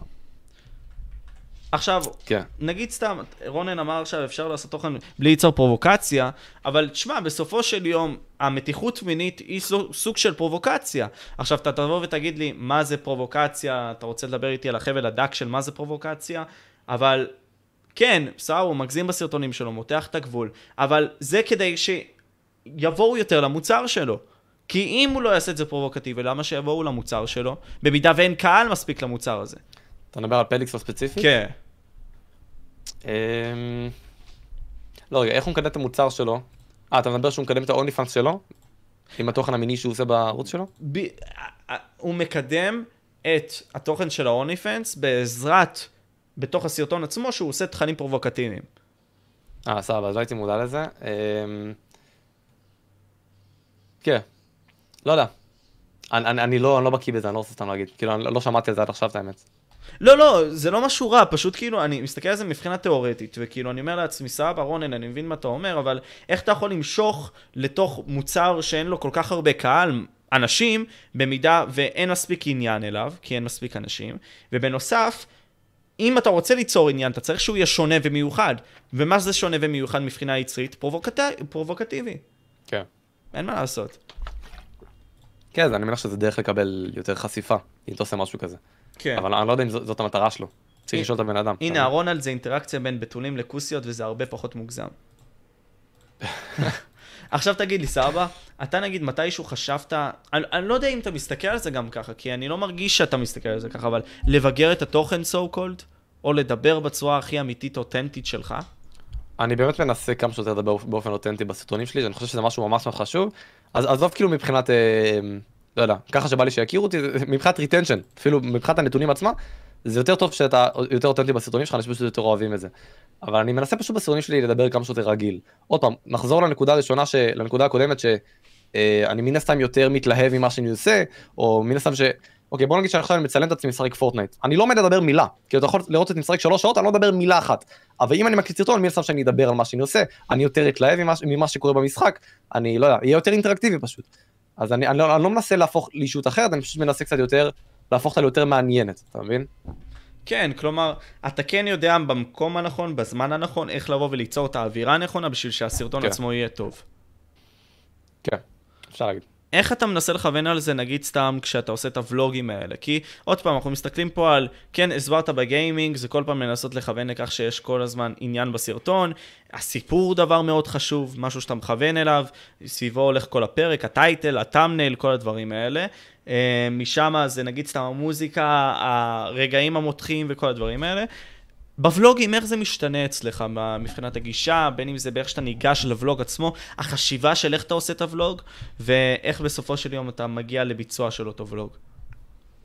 זהו, אז uh, זה לא כל כך שונה. הרי שמעתי, שמעתי שהרבה דיברו על זה בפודקאסט שלך, אז אני לא בדיוק אעמיק בזה כל כך, אבל איך סרטון מצליח ביוטיוב?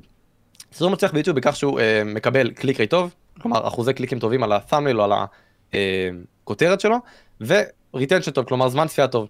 אנשים נכנסים לסרטון, גרמת להם להיכנס לסרטון, עכשיו תגרום להם להישאר בסרטון. זה ממש ממש פשוט. אז זה לא משנה מה הנישה שלך בסרטון, זה אותה נוסחה לכל דבר.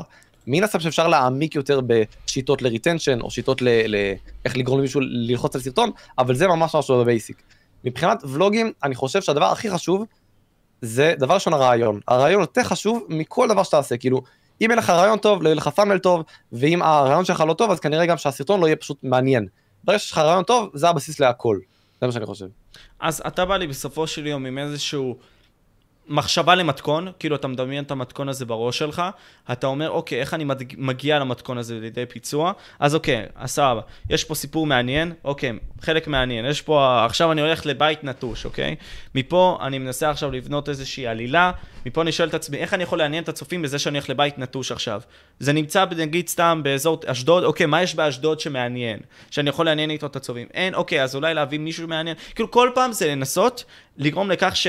הצופה, הלקוח, יצפה בזה, אתה מכוון לאיזשהו רעיון, ואתה מנסה כל הפעם לחבר לעניין הזה של מה יעניין את הצופה בדבר שאני מייצג לו, מביא לו, למוצר. כן, אז זה, זה, זהו, זה בדיוק, אתה חושב על רעיון, עכשיו אתה חושב על תסריט. כלומר, יש לך רעיון, איך אתה מוציא אותו לפועל? איך אתה גורם ל retention יותר גבוה?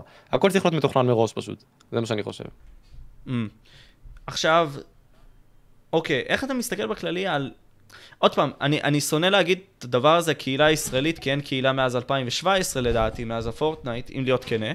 למה? כי בסופו של יום, כשהכסף נכנס לתמונה ואנשים כבר ידעו איך לתמחר את עצמם, אז כאילו אין למה לעשות ריוויינדים, כי פתאום אנשים לא באים מהתנדבות, אז כאילו אין למה לעשות את זה. בכלל צפית ב Rewind ישראל מתישהו? כן, בטח, ראיתי את זה.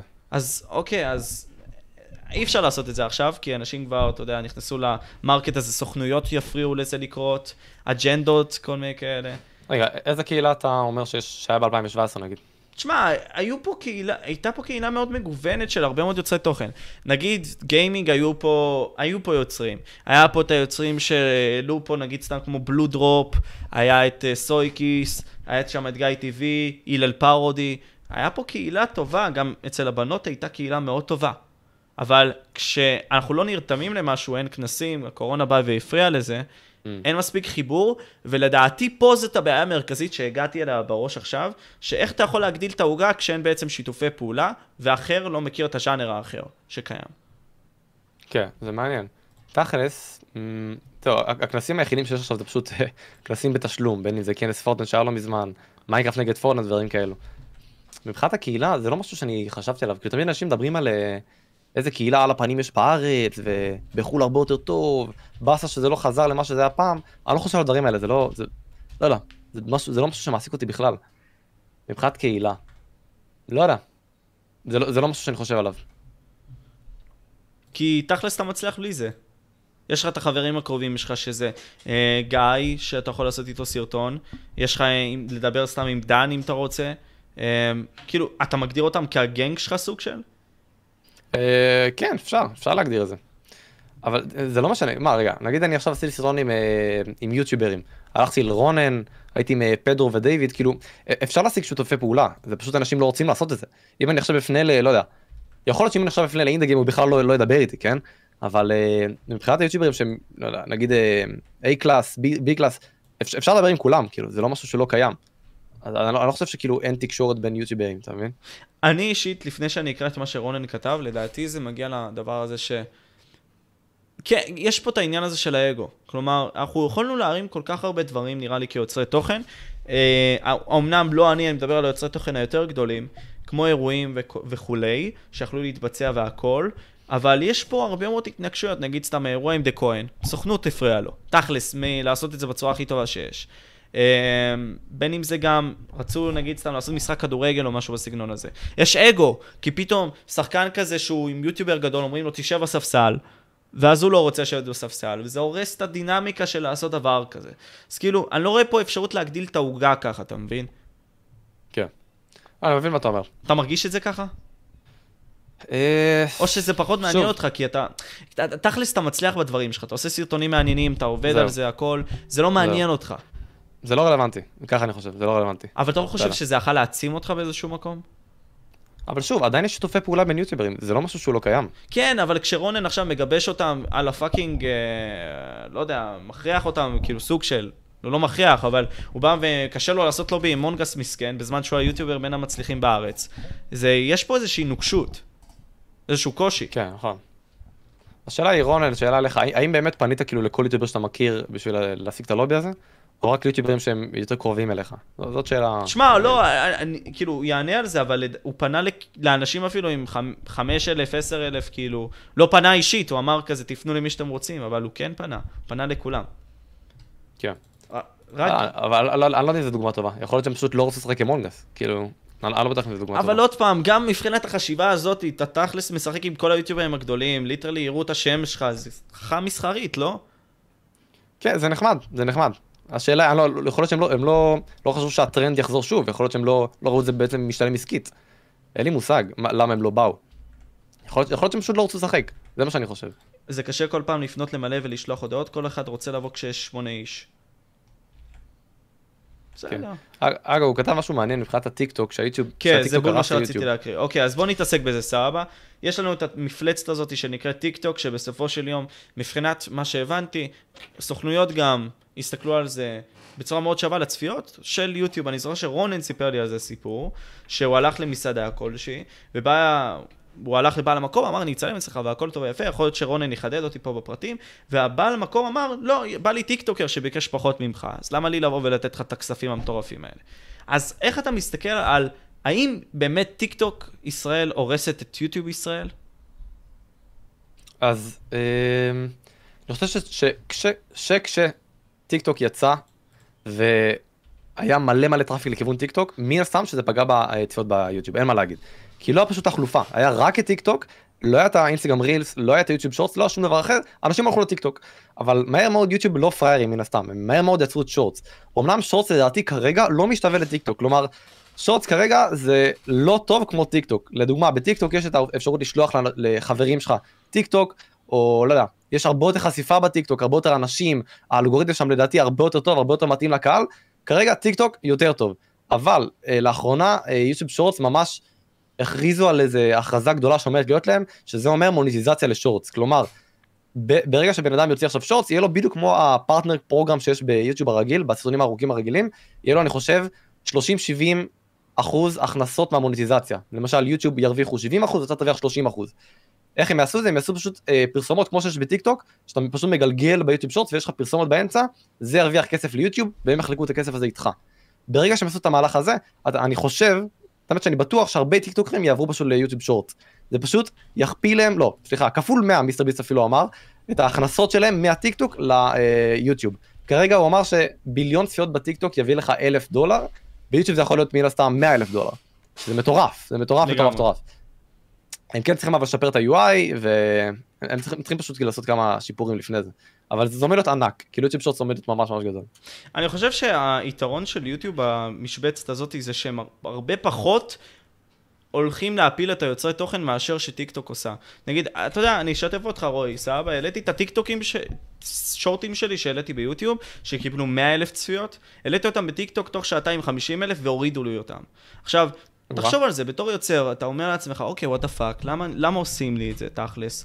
ותכלס, אצלהם האלגוריתם מתעדף יותר את התוכן, בשביל לשמור על ה guidelines, מאשר על היוצר תוכן. לא מעניין, כי תמיד יהיו יוצרי תוכן, כי זה קל ליצור כן. את התוכן. זה לא מעניין אותם. זה לא מעניין אותם, בדיוק. אז אני פה שואל את עצמי שאלה כזאת, האם הדבר הזה יכול להפיל את טיק טוק בזמן הקרוב לדעתך? אה, כמובן עם העניין לא- של הכסף של יוטיוב, שזה בכלל מטורף. לא, אז אני לא יודע אם להפיל, אני לא יודע אם להפיל, אבל כאילו מבחינת, מבחינת הפרסומות שיש ביוטיוב שורטס, השאלה, השאלה המתבקשת היא למה שטיקטוק לא יעשו את זה גם, נכון? כאילו למה שהם לא פשוט יביאו יותר כסף. אבל זה טיפשי לחשוב על זה ככה, כי, לא יודע, בוא נגיד שבטיקטוק עכשיו מרוויחים אה, ביליון דולר בשנה, אוקיי? אתה עכשיו אומר להם, קחו חצי מזה ותביאו ליוצרי תוכן. כלומר, תביאו 500 מיליון דולר ליוצרי תוכן בשביל להציל את הפלטפורמה שלכם. אני לא בטוח שהם יעשו את זה בכלל. כלומר, הפלטפורמה שלהם כרגע ממש ממש מצליחה. האם הפלטפורמה תיפול? אני לא בטוח. יותר מדי אנשים מסתמכים על זה, יותר מדי אנשים משתמשים באפליקציה. אני לא חושב שהם יפלו נטו בגלל ה guidelines, כאילו זה נהיה כזה סוג של הרגל. אה, יוטיוב, אה, טיק טוק ירדו לי עוד סרטון. אה, עוד פעם קיבלתי סטרייק. זה, זה נהיה ממש ממש רגיל. ביוטיוב נגיד זה ממש שונה, כאילו אתה מקבל סטרייק זה משהו, זה עניין גדול, אתה מבין? כן, אבל בסופו של דבר זה מונע מערוצים מאוד גדולים בטיק טוק להמשיך, נגיד, אתה מגיע ל-100 אלף, אתה מתלהב מה-100 אלף האלה, סבבה, אבל באותו יום אתה יכול... וואו, אתה יכול לקבל אזהרה, שתיים, שלוש, פתאום הטיק טוק שלך לא עובד לשבועיים. אז עם כמה שזה מכונת כסף, ואתה מקבל אופציות על זה, פתאום אתה לא עובד שבועיים. או oh, fuck, מה עובד פה, אתה מבין? זה בטוח חיסרון, זה בטוח, אין מה להגיד, זה חיסרון. מונים אנשים לעלות סרטונים על שטויות כאלה קטנות, זה חיסרון. האם זה יגרום להם לעבור לפלטפורמה? אני בטוח שזה יגרום ליותר אנשים. אבל אני לא בטוח שיעזבו את... אה, זה לא יגרום לנפילה של טיק טוק, לפחות כרגע לא. איפה אתה רואה את הצדדים החיוביים של הפלטפורמה הזאת של טיק טוק? אם כי הרבה מאוד אנשים מצליחים ממנה, הרבה מאוד אנשים, כמו שרונן עכשיו אמר, סבבה, הוא הלך למסעדה, אפילו הוא נתן חצי מהמחיר שהוא בכלל הציע לאותו מקום, ואותם טיק, הוא פשוט, הבחור העדיף ללכת לטיקטוקרים, והוא אמר שבחו"ל, אם הוא היה נגיד סתם יוטיובר בחו"ל, רונן, היו כבר מוצצים לו. עכשיו, ש, שזה מעניין, תהנה. אבל בסופו של יום, מה היתרונות של להיות טיקטוקר לדעתך היום, ובמיוחד בישראל, ממה שאתה חווה? תשובה קלה מאוד, קל מאוד להתפרסם שם. אתה יכול להיות uh, no name, לעלות טיק טוק, לקבל מיליון צפיות, ממש ככה. ממש קל להתפרסם שם, ממש קל להשיג עוקבים. אנשים שלא מכירים את העולם הזה של יצירת תוכן, יודעים שאם הם רוצים עכשיו להצליח, לכו לטיק טוק, תעלו סרטון, אם האלגוריתם סלש סלש יאהב אתכם, אז בכיף, אתם יכולים להצליח ממש ממש בקלות. זה יתרון אחד ממש גדול של טיק טוק, דיברנו על זה כבר. Um, זהו, למה שמישהו עכשיו יבוא ליוטיוב שורטס? אין סיבה, באמת שאני לא רואה שום סיבה. אלא אם כן הוא רוצה להתכונן כבר למוניטיזציה של יוטיוב. אבל אני שואל את עצמי שאלה כזאת, למה, למה אנשים עד כדי כך מפגרים בזה שהם רואים את האפשרות הזאת שאינסטגרם רילס מקדמת מאוד, הם רואים שיוטיוב שורטס עכשיו, אתה יודע, מתעדף יוצרי תוכן שעושים את זה באיזשהו מקום, כאילו מן הסתם פעם זה היה הרבה יותר גדול, אבל בסדר. אה, למה פשוט לא לדבוק בתוכן של קצר, לשלוש פלטפורמות, אתה יכול למחזר אותם, ו-GG well played. לשלוש פלטפורמות. אה, זה שווה מאוד לעשות את זה, אין, אין שום סיבה שלא. אין שום סיבה להעלות את זה לכל הפלטפורמות בבת אחת. אבל האם זה שווה יותר מתוכן ארוך שלך ביוטיוב? כלומר, אם היה לך עכשיו בחירה, סבבה רועי? Mm, אוקיי. נגיד את הסרטון תספורת הזה, רק להעלות השורט ממנו. שזה, השורט מאוד הצליח. להעלות אותו גם בטיקטוק, גם באינסטגרם. מה היית עושה? מה היית מעדיף לעשות? במקום יוטיוב? במקום הסרטון. לא, אבל זה, זה לא רלוונטי, למה לא לעשות גם וגם? לא, אבל מבחינת ההשקעה עצמה, אתה יודע מה, לא נכון, לא, לא משנה. מבחינת סרטון אחר, לעשות שורט נגיד סתם על משהו אחר, ולעשות סרטון על משהו אחר. נגיד פורטנייט, לנגד לעשות עכשיו סרטון שלא יודע מה, אתה הולך לתספורת ואתה מסתפר שם. במה אתה מעדיף יותר להשקיע את הדברים שלך? אמ, אני חושב שיוטיוב בכללי סרטונים ארוכים זה הרבה יותר טוב בשביל לפתח קהילה. כלומר, אתה הרבה יותר מציג את האישיות שלך שם, אני מקווה, אנשים הרבה יותר מתחברים אליך, ואם אתה באמת מצליח לגרום להם לראות הרבה מהסרטון, אז יש הרבה יותר אישיות שלך בסרטון הזה. לעומת טיקטוק, שפשוט אנשים מגלגלים, בכלל, הם יהיו נגיד 4 שעות בטיקטוק והם ישכחו את כל מה שהם ראו. כלומר, הם לא יזכרו שום טיקטוק שהם ראו. אז אם הייתי עדיין בוחר, עדיין הייתי בוחר יוטיוב. הרבה יותר קל לפתח קהילה ככה, אחרי זה לקדם את זה למכירת מוצר כלשהו, לפרסם שם דברים, הרבה יותר, הרבה יותר שווה למפרסמים, למרות שהם עדיין לא מבינים את זה, אז עדיין הייתי בוחר יוטיוב, זאת התשובה. בן לביא, תודה רבה על ה-15 דולר, אחי, אתה fucking מטורף, מעריך את זה ממש, אחי, fuck. תודה שאתה נהנה מהפודקאסטים, אחי, אני ממש שמח לשמוע את זה. נשים כמה שיותר, אתה יודע, לעזור ליוצרי תוכן הבאים לבוא, להגדיל את הפלטפורמה. בכל מקרה, אתה אומר לי להשקיע ב... באיפה להשקיע יותר טוב? ביוטיוב, נקודה. נקודה, כן. בסופו של יום מבחינה קהילתית זה יותר שווה. ארתור, נגיד סתם מהטיקטוק, לא יודע אם אתה ראית, הפך להיות יוטיובר סוג של. לא סוג של. מי זה ארתור? ארתור אדלינד, יש לו 11 מיליון בטיק טוק, עכשיו יש לו קרוב ל-20 אלף ביוטיוב. והוא עושה סרטונים style מיסטר ביסט. בוא ננסה גם להראות את זה לצופים פה. ארתור, מה? אדלינד. אני מאוד מעריך את התוכן שלו ואותו. וואו, וואו, לא ראיתי את הבן אדם הזה, אחי. כן, והוא עושה סרטונים סטייל מיסטר ביסט כזה, ממש מגניבים דווקא, הוא מאוד יצירתי. הסמל האחרון, כן, הוא לא, הוא לגמרי לוקח את ה... הוא לוקח לו ממש את הסמלים. אבל תשמע, זה עובד. כן, אני מניח. וואו, יש לו הרבה צפיות, אחי, יפה מאוד. והוא חדש. אה, אבל לא, אבל אמרת שהוא בא עם קהל כבר, לא? הוא בא עם קהל, אבל לא נראה לי הוא שיתף את זה עם הקהל שלו, אתה מבין? וואו, זה אורגני לדעתי. חזק. יפה. מגניב, אני, אני, אני שמתי לב, נראה, נראה מה הוא יעלה. מעניין שיש עוד אחד, כאילו, אתה יודע. אבל מה. שכן, כאילו, וזה הערה צדדית שרונן תזכיר אותי, הוא היה sidekick של דילן דרור. סוג של. אה, הוא גם כותב שהוא ערך לו. כן. אה, לא, אז, אז זה קריטי, זה קריטי, הוא כבר הבין איך הכל עובד, הוא הבין איך אה, מקליטים סרטון, זה קריטי ממש. אז אה, הוא, הוא לא בא בלי שום ידע ליוטיוב והצליח, אז אה, זה חשוב. מה אתה עושה בשביל מניח- להבין את הפלטפורמה בקטע הזה?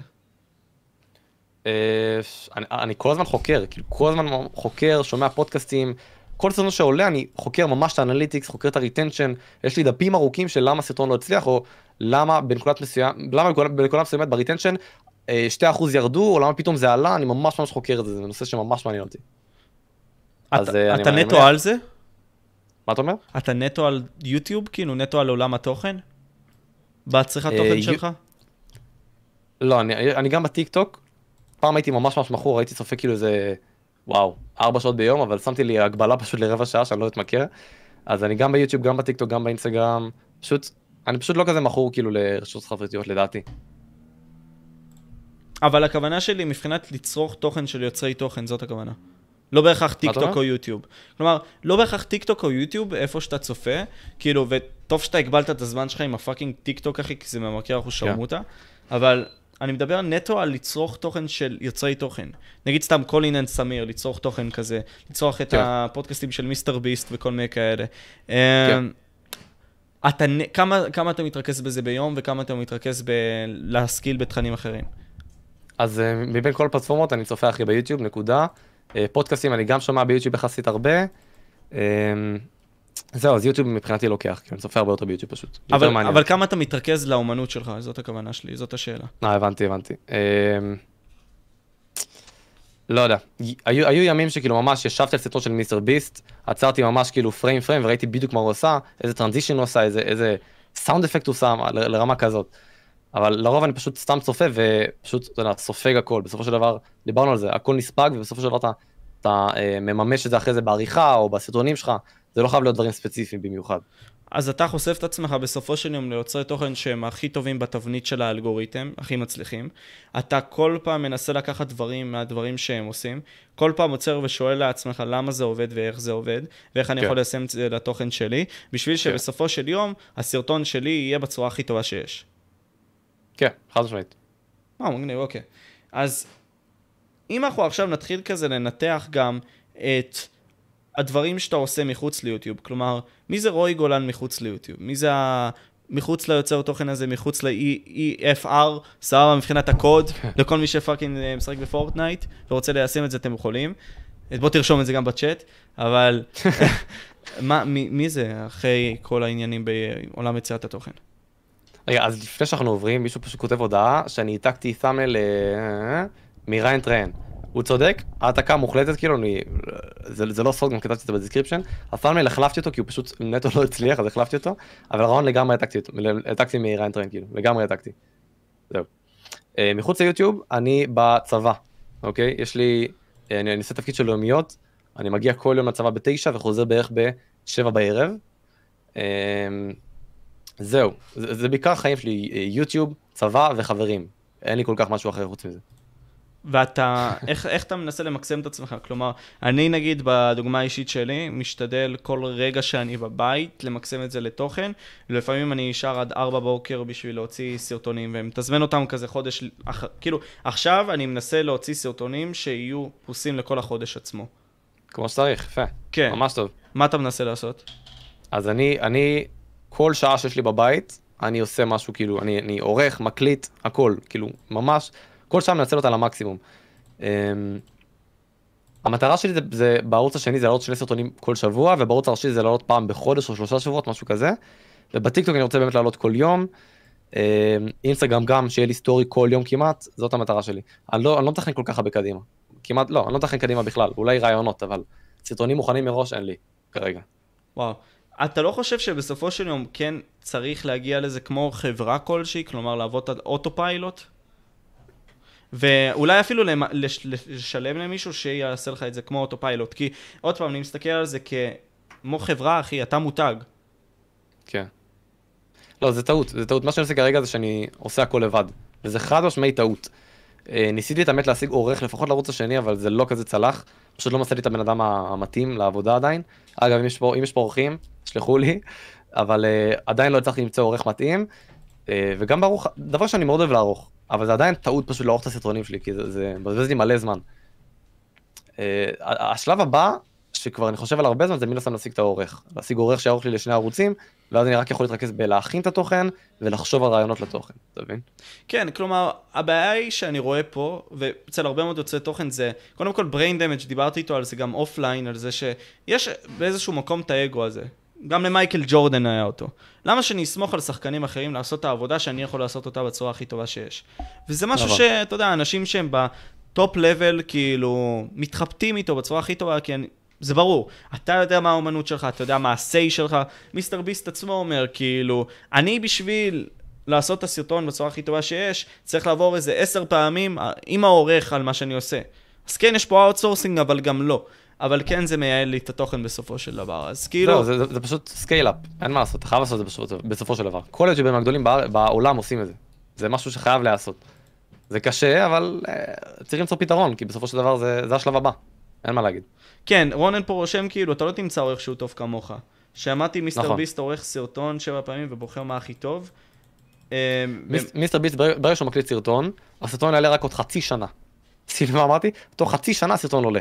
אז הוא נטו עורך את הסרטון, כאילו יש לו עורכים, סליחה, יש לו הרבה עורכים, עוברים על זה כמה פעמים, יש לו בערך איזה אלף פעמים שזה חוזר לעריכה שוב. אמ, זהו, אבל, אבל הוא חייב לעשות את זה. הוא פעם אמר בפודקאסט שכל העסקים שהוא בנה עד עכשיו וכל הערוצים שיש לו עכשיו, הכל בנוי על התוכן הטוב שהוא עושה. אם הוא מפסיק להעלות סרטונים טובים, באותו רגע אף אחד כבר לא יתמוך בו. אתה מבין? אז בגלל זה זה כזה חשוב לו שכל סרטון יהיה ויראלי וכל סרטון יהיה מטורף. כן, אז אה, כלומר, תמיד צריך לבוא ולהסתכל על זה ככה, האלגוריתם זה האנשים, והעניין זה הטרנד. וכל עוד אתה מבין את זה שמה שמעניין היום זה מה שאתה צריך להתפקס ככל האפשר, נגיד סתם סקוויד גיים זה משהו שהוא עשה. אה, ובין אם זה בסופו של יום עם האלגוריתם שזה לעניין אנשים, שזה literally לקרוא מחקרים, כאילו למה אנשים... בעצם, אוקיי, נגיד סתם הסרטונים שלו שהוא בא ומחייך, יש לזה די הסבר מדעי מחקרי. למה הוא, למה הוא מחייך בסרטונים שלו, למה הוא עושה את ה shocking face. כי בסופו של יום אתה שם לב לזה כאילו. יותר. כן, נכון. אתה שם לב לזה יותר. למה סנייפר וולף שמה נגיד סתם בצד, בצ- בצד של הסרטון שלה, אני אנסה להראות את זה כזה, אה, צבע אדום כזה שמפריד אותה. למה? כי אדום גם מהימים, אה, טוב, אני לא רוצה לזרוק פה דברים מסוימים שאני לא כל כך בטוח אליהם, אבל הצבע האדום הוא צבע שהאדם מאוד תופס. ואז זה מפריד אותו, בסופו של דבר. זהו, יש, יש הרבה תיאוריות לגבי הפאנלים שלו, אנשים עושים הרבה מחקרים, הם עשו פעם מחקר כאילו של, ממש הכינו אה, מסד נתונים של כל הפאנלים שלו אי פעם, וממש בדקו כאילו כמה טקסטים יש לו בכל פאנלים, כמה, איזה פרצופים הוא עושה, ממש כאילו, ממש חקרו אותו. אבל הבינו שזה לא כזה משנה, כאילו, אתה צריך לעשות פאנל שפשוט תואם לסרטון. אה, אם צריך טקסט, תוסיף טקסט, אם לא צריך טקסט, אל תוסיף טקסט. זה, אין, אין כאילו נוסחה מדויקת לפאנלים בקטע הזה. אבל הוא יודע מה הוא עושה, יש לו, יש לו קטע של, הוא, נגיד, הוא כל, כל הזמן שם את הלוגו שלו בסרטונים על החולצה, יש לו מיתוג חזק מאוד של המיסטר ביסט, הוא יודע מה הוא עושה, הוא לא... הצוות שלו יודע מה הוא עושה יותר נכון. גם, טוב. הצוות שלו בסופו של יום בא ועוזר לו, נגיד, אילון מאסק בקטע הזה בא ואומר שהאומנם אני חכם, אבל כשיש לי צוות שבא ומרכיב אותי, הוא יכול להפוך אותי לפי עשר יותר טוב, כי בסופו של יום, אם יש עוד מוחות שהם דומים, או אמנם לא אילון מאסק, אז הם יכולים לעזור לך להתייעל ולהפוך להיות הגרסה הכי טובה של עצמך, שזה הדבר הכי חשוב. אבל מה שכן רונן בא ואומר, ומעניין אותי מה יש לך להגיד בנוגע לזה, אה, רועי, בנוגע לעניין הזה שאין לו אישיות למיסטר ביסט. אבל מצד שני, אני אבוא ואגיד שגם לטים קוק אין אישיות בתור CEO של אפל, או לביל גייטס אין כל כך אישיות, כאילו, כשהוא יוצא מהתדמית הזאת של מייקרוסופט. כאילו, יש לו את העניינים שלו, את המניירות שלו. כי בסופו של יום, מיסטר ביסט הוא המוצר. מיסטר ביסט הוא הפנים. מיסטר ביסט הוא הכל. אם אין מיסטר ביסט, אז אין את זה. אפילו נכון. נתתי את הדוגמה הזאת של אפל, היא לא דוגמה מספיק נכונה. כי אם אתה, בתור המוצר, לא עושה את מה שאתה צריך לעשות בתור הפנים, אז למה שהם יבואו אליך? אם אתה תהפוך להיות fucking קריטיקל, איך קוראים לו? מויסט קריטיקל, סבבה? ואתה תתחיל לדבר random shit ולקלל ולדבר ככה ולהיות אותנטי, כן, יבואו אליך אנשים, אבל הם לא יבואו כי אתה מיסטר ביסט. זהו, אבל אני לא יודע אם זה נכון להשוות בין אה, אה, סטיב ג'ובס למיסטר ביסט. הם כן, כאילו שני אני- אני תעשיות טועה. שונות, לא? נכון, אני, אני טעיתי בהשוואה הזאת, כי סט- סטיב ג'ובס הוא לא, אפילו לא המוצר, אפל הוא המוצר. מיסטר ביסט הוא המוצר עצמו. כלומר, אם כן. מחליפים מחר את ג'ימי, זה לא אותו דבר. יודע, אז הוא אמר פעם אחת בפודקאסט שלו, שמה שמונע ממנו לעלות יותר סרטונים כרגע, זה נטו בגלל שהוא לא יכול, אין לו מספיק זמן, אין לו מספיק זמן. אם הוא יכול לשכפל את עצמו ושיהיה כמה מיסטר ביסט, אז הוא היה עושה את זה, אבל פשוט, כרגע, כל התהליך תקוע על זה שהוא צריך לצלם את הסרטון, הוא צריך להיות בסרטון. אז זה כן מאוד מאוד חשוב לו שהוא יהיה הפנים של הערוץ, זה, זה מה שבונה את כל ה branding שלו. אה, הוא אפילו דיבר על זה שחברים שלו כבר לא מעניין אותם הסרטונים. אז הוא פשוט מביא subscribers שיתמודדו בסרטונים שלו. זה, זה פשוט אה, תהליך, אתה יודע, אבל הוא חייב להיות בכל הסרטונים, זה, זה נוסחה, זה שלב אחד בסרטונים שלו. אנחנו נמצאים במקום שאנחנו, בני הדור הראשון, אנחנו, אני ראיתי מחקרים שמראים, ובטח אתה גם ראית אותם, שהילדים הצעירים רוצים שיוצרי תוכן. כאילו, הם, הם רוצים להיות יוצרי תוכן. למה? כי זה מגניב, זה, זה העתיד. זה למה? כי חלק מהמקרים גם בחרתי לעשות את הפודקאסט על הנישה הזאתי. כי אנשים יצפו בך בעוד חמש שנים וילמדו על מה, שת, מה שאתה דיברת עכשיו. שזה כן. הזוי, כשאתה חושב על זה. זה מעניין, אני אוהב את זה דווקא, זה נחמד. זה ה vision, זה ה vision לגמרי, ואני רואה שזה הולך לשם, כי עכשיו עדיין אנשים חוזרים לי סרטונים לפני חצי שנה של טופסטריק שהוא מסביר על זה, לא משנה. בכל מקרה, אז בעצם העובדה הזאת היא שהרבה מאוד יוצרי תוכן, אנחנו לומדים את הכל, ילמדו מאיתנו. איך, איך זה מרגיש ככה לדעתך? אני לא יודע אם אתה מסתכל על זה גם ככה, שאנחנו חלק מהיסטוריה כלשהי. כן, זה מטורף. זה, זה, זה מעניין. לא יודע, לא, לא חשבתי על זה, זה... אבל לא, תכלס כל דבר שאתה עושה עוד חמש שנים ייחשב כהיסטוריה, לא? כן, אבל השאלה היא עד כמה זה משמעותי, זה, זה עניין, הרי... זה כמו להגיד סתם, מה עדיף להיות מפורסם כמו אמיר חצרוני, או מפורסם כמו, כן. סתם דוגמה, לא יודע, מישהו אחר שהוא מפורסם, ביבי, סבבה? כן. אוקיי? בסופו של יום זה הכל יחסי, מבחינת הזמן, אבל השאלה, האם יזכרו אותך לצד הטוב של ההיסטוריה? אה, אני לא יודע. זה תלוי באנשים. אני חושב שכרגע אנשים מאוד נהנים מהתוכן שאני עושה. כאילו, הרבה אומרים שזה תוכן טוב, אה, ואני שמח מכך. האם יזכרו אותי? אני חושב שיש לי הרבה סרטונים בערוץ, שהם לא, שלא של גיימינג, בערוץ הראשי, שהם סרטונים אה, גלובליים, כלומר, גם אם תראו אותם עכשיו עוד אה, שנתיים, אנשים עדיין יצפו בהם. אם תראו אותם עוד עשר שנים, עדיין יהיה אפשר לצפות בהם.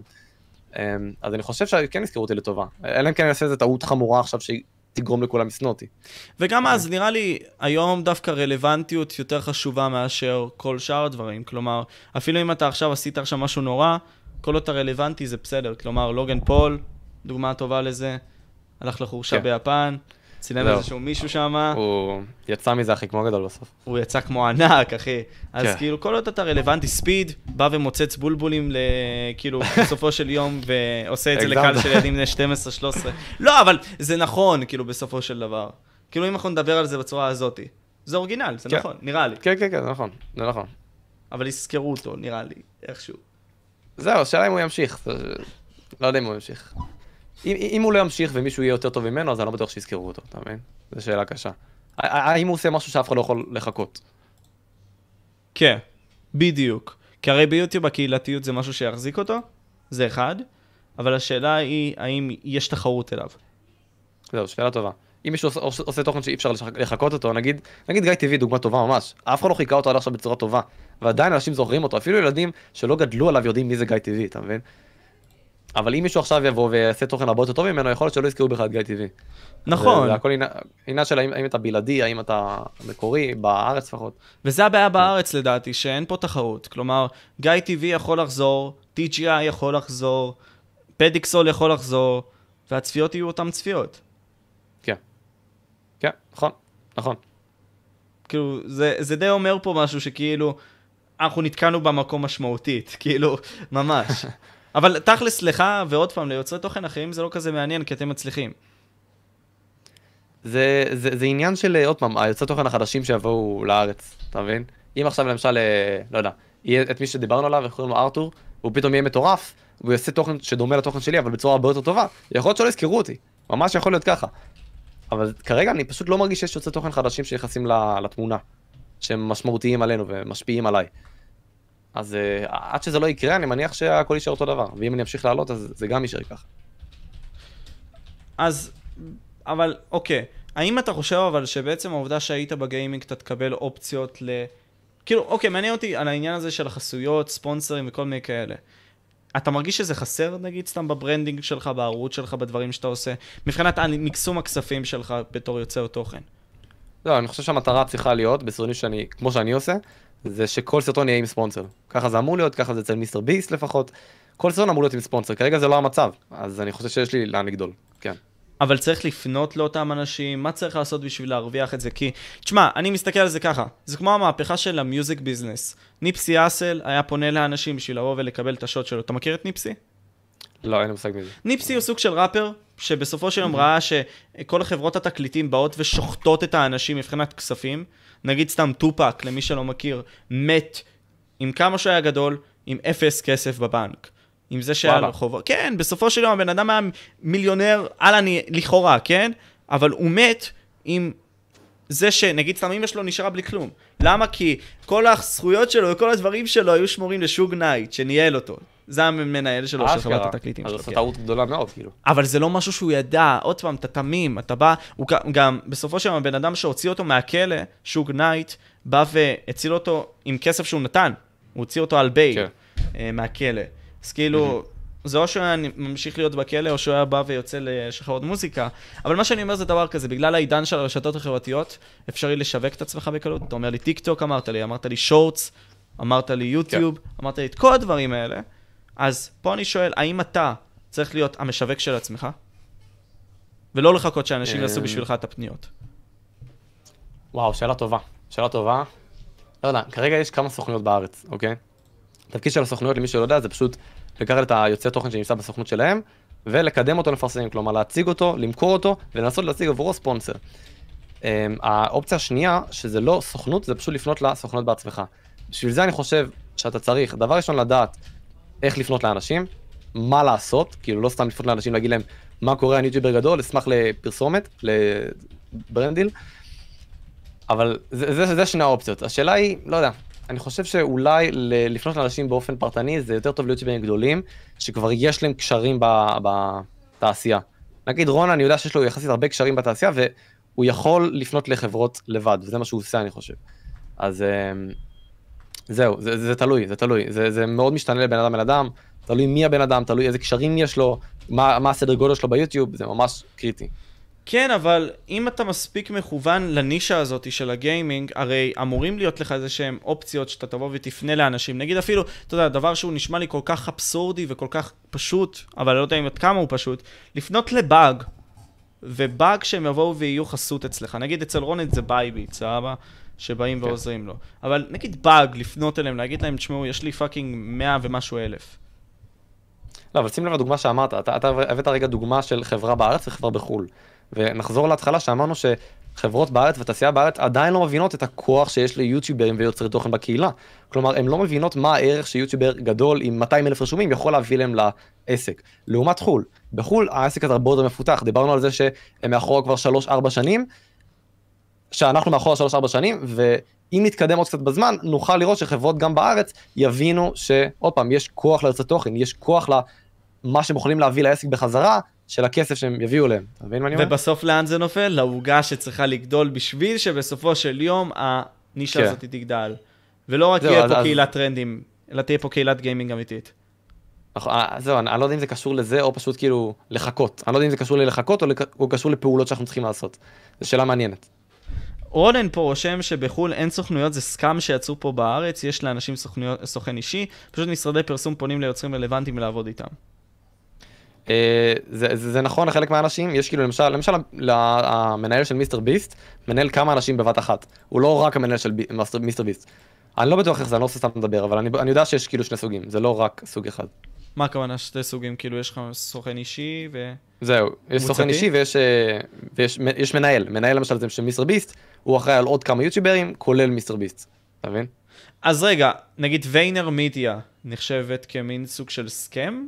כאילו זה גם mm. מין סוג של משהו של יוצרי תוכן והכל ומשפיענים. זהו, זו שאלה על רונן, כי אני לא, אני כאילו, לא חושב שזה הסכם בהכרח. כן, אני, אני, אני לא יודע. אה, סוכן אישי פשוט... מנהל כמה בודדים, זה בחיים לא רק בן אדם אחד. בסדר, אבל ויינר מדיה, סתם דוגמה, זה מנהל כמה אנשים, זה לא מנהל רק בן אדם אחד. אה, בארץ זה פשוט עניין של pipeline. אה, אתה מגיע למנהל והם, והם פונים בשבילך. אם אין לך קשרים, אז למי תפנה? אז, לא יודע, אה, אבל אתה יכול לעשות ווין ווין. אתה בא ואומר כזה, אוקיי, יש לי צפיות כאלה וכאלה, ואתה בא וחושף אותם למוצר. בוא ננסה, אפילו אם בסכום זעום, שלפחות יהיה לך את זה לא. בתיק עבודות כלשהו. זה טוב, אבל אני, אני לא בטוח כמה חברות רוצות לעבוד עם אינדיבידואלים. ובנוסף לזה בוא נגיד שהם מסכימים, עכשיו אתה צריך לחשוב על זה מבחינת אה, מבחינה משפטית, איך אתה משיג עכשיו חוזה ש, שמחתים את העסקה הזאתי, ועוד ועוד ועוד. קיצור, כאילו, זה נשמע זה, תסביך. זה, זה, לא, זה, לא, זה לא רק כאילו לפנות, קיבלת את האישור, בום, סרטון, זה לא כזה פשוט. אבל זה אפשרי, לא אומר שזה לא. מה שכן פשוט, מי שיעשה את זה צריך להיות מטורף אחוש שרמוטה בשביל לקחת את הזמן ולסכן את עצמו גם באיזשהו מקום, בכך שהוא עושה את הצעד הזה. זהו, אז האמת שדיברתי עם יוטיובר יחסית גדול לאחרונה, אני לא אגיד מי, כי אין צורך, אבל הוא היה כאילו ממש, אה, הוא ממש פעל, פעל בעצמו, כאילו, היה לו, הוא ממש פנה על חברות באופן עצמאי, והוא ניהל את עצמו, הוא אמר שזה בלתי אפשרי. הוא אמר כאילו שזה זה עובד, אבל זה צורך ממנו מלא מלא זמן, וזה לא שווה את זה. הוא החליט פשוט לחזור לסוכנות שהיה בה מההתחלה, ולתת להם פשוט לנהל הכל, כי זה פשוט חוסך לו הרבה זמן, חוסך לו את המחשבה, את הניהול, זה ממש מה שהוא בחר בסוף, אתה מבין? אז יש בזה משהו. כן, אני חושב שזה גם מגיע לעובדה הזאת שאין לו מספיק כסף. כאילו, לא, לא נכנס לבן אדם הזה לכיס, נראה לי אני מבין על מי אתה מדבר, בלי להרחיב על זה, אבל בסופו של יום, עם כמה שיש לנו כספים, אתה יודע, זה לנהל עורך, זה לנהל בן אדם שמנהל לך את כל מה שקשור לכספים וניהול חשבונות כן. וכל השיט הזה שנכנס עם כל הדברים האלה, משפטי, שזה גם חשוב בסופו של יום. אתה כן. לא... זה לא, זה לא, זה לא עד כדי כך פשוט, זה הרבה. כסף. צודק, כן, יש, יש הרבה דברים שצריך לעשות, זה לא, זה לא רק כאילו, אתה יודע, לפנות, קבל את הכסף, יש הרבה דברים שצריך לעשות. איך זה נגיד סתם מרגיש על כל העניין הזה של... מה מגביל אותך לדעתך היום? כאילו חוץ מהעניין של צה"ל, שזה כן מגביל אותך מבחינת הזמנים והכל. תקציב לסרטונים, חד משמעית. אם היה לי יותר כסף לסרטונים, הסרטונים שלי היו עולים ברמה, בהרבה. אבל אה, זה מה שצריך לעבוד עליו פשוט. ואיך מגיעים לשם? אז שוב, אה, אתה יכול להיכנס לסוכנות והם מקדמים אותך, או שאתה פשוט תעשה את זה לבד, ותהיה תותח, כאילו, תהיה, תהיה מטורף. Mm. זה- האופציות. מה מעניין אותך היום? כאילו, אנחנו עכשיו מדברים על עולם התוכן הרבה מאוד. יש דברים שמעניינים אותך ספציפית בעולם התוכן. מה גם אתה צורך בלי קשר לעולם התוכן? מה מעניין אותי היום? וואו אחי, אני, אני כל כך שקוע ביוטיוב שזה מטורף, כאילו. אני, אני כל הזמן למה, על למה, האנליטיקס. למה, למה אתה כזה שקוע? כאילו, למה אתה רואה פה את הפרצה הגדולה הזאת? נגיד, אני בפודקאסטים רואה את הפרצה הזאת, ואפילו היה לי חודש שעשיתי 40 ומשהו פודקאסטים, כי אני יודע את הפוטנציאל וואו. של זה. אה, וזה זה מתחיל לעבוד לאט לאט, אבל עובד. למה אתה משקיע על זה כל כך הרבה? האמת שזה פשוט מאוד מעניין אותי. כל החקירה של ה retention שלנו, אני לא חייב לעשות את זה. אני בטוח ש... לא, אני בטוח שרוב היוטיוברים בארץ לא בכלל חוקרים. אז retention, לא בכלל שומעים פודקאסטים של יוטיוברים מצליחים. אותי זה פשוט ממש ממש מעניין. זה, זה, זה, זה משהו שאני אוהב פשוט לצרוך, אתה מבין? זה כמו לראות אה, טיק טוק בשבילי, אותו דבר. אז אה, זה מה שמעניין אותי מבחינת היוטיוב, וזה למה אני אמשיך לעשות את זה. אה, מה עוד מעניין אותי? זהו. זהו. מאיפה. קנית את ה-EFR הזה מאחוריך? מאמזון. custom made, נכון? כאילו, כן, זה לא, לא כזה יקר, לא כזה יקר. כמה זה עולה? היה לי מאות שקלים, כאילו מה, 200, 300, 400. לא יודע, אני, אני חושב ש... כאילו, מה אתה חושב שיוצר תוכן צריך היום? כי נגיד הניאון הזה זה מגניב ויפה, ממש. האם זה necessary בשביל להצליח? כל היופי אפילו. החיצוני הזה היפה. לא, לא, זה, זה מבטא אותך. פשוט. זה אקסטרה חשוב, כי, לא יודע, ברגע שצופה רואה יוטיובר עם אה, איכות טובה ו setup מגניב, אז יכול להיות, הסיכויים שהוא יירשם לערוץ עולים. אותו דבר גם לגבי מפרסמים, הם רואים יוטיובר אה, מקצוען עם חדר מטורף, רוב הסיכויים שהם יפנו אליו מאשר יוטיובר שהוא סתם בחדר עם אה, חושך ולא רואים את הפנים שלו בכלל, אתה מבין? אז זה קריטי. כלומר, אתה רואה פה את הקריטי בזה שהנראות והמקצועניות, בשביל שאנשים, ולא יודע, המבוגרים יותר יפנו אליך, אבל גם זה מוסיף לעניין של האסתטי אצל הצופים עצמם. אבל מה באסנציאלס צריך, נגיד, יוצר תוכן היום, לדעתך? כלומר, מה הוא צריך לדעת? מבחינת איך ליצור תוכן או הרקע שלו בסרטונים? גם וגם. נתחיל יותר מהתוכן, אז- כי התוכן זה נראה לי היותר חשוב. כן. אז אה, אמרו, אמרו, אמרו את זה הרבה פעמים בפודקאסט שלך, אבל בעיקרון זה פשוט דבר ראשון להתחיל את היוטיוב, נטו בגלל שאתה אוהב את מה שאתה עושה, אתה מבין? כאילו אם מישהו עכשיו ייכנס ליוטיוב, והוא בא לזה נטו בשביל הכסף, רוב הסיכויים שהוא לא יצליח להמשיך עם היצירת תוכן לטווח רחוק. אז דבר ראשון, תאהב את מה שאתה עושה. ברגע שאתה אוהב את מה שאתה עושה ואתה מתחיל ליצור תוכן, פשוט תעלה הרבה. אל, אל, אל תתבאס לסרטון אחד שלא מצליח, פשוט תמשיך לאחד הבא, ושוב, תשתפר מסרטון לסרטון. אתה מעלה 100 סרטונים עכשיו במשך uh, חצי שנה, ובכל סרטון אתה משתפר ומשתפר ומשתפר, רוב הסיכויים שהסרטון האחרון שהעלית מתוך המאה, יהיה יותר טוב מהסרטון הראשון שעשית. כמעט בטוח, אם אתה ממש כאילו דואג להשתפר מסרטון לסרטון. אז זה מה שהם צריכים לעשות. וכמובן להקשיב לקהל, אה, לראות מה יוטיוברים אחרים בארץ ובחו"ל עושים, לקחת השראה, ללמוד כל הזמן, זה, זה הרבה, זה הרבה. אבל זה בקצרה. איך אתה מציב מטרות לעצמך? אמ, מציב מטרות.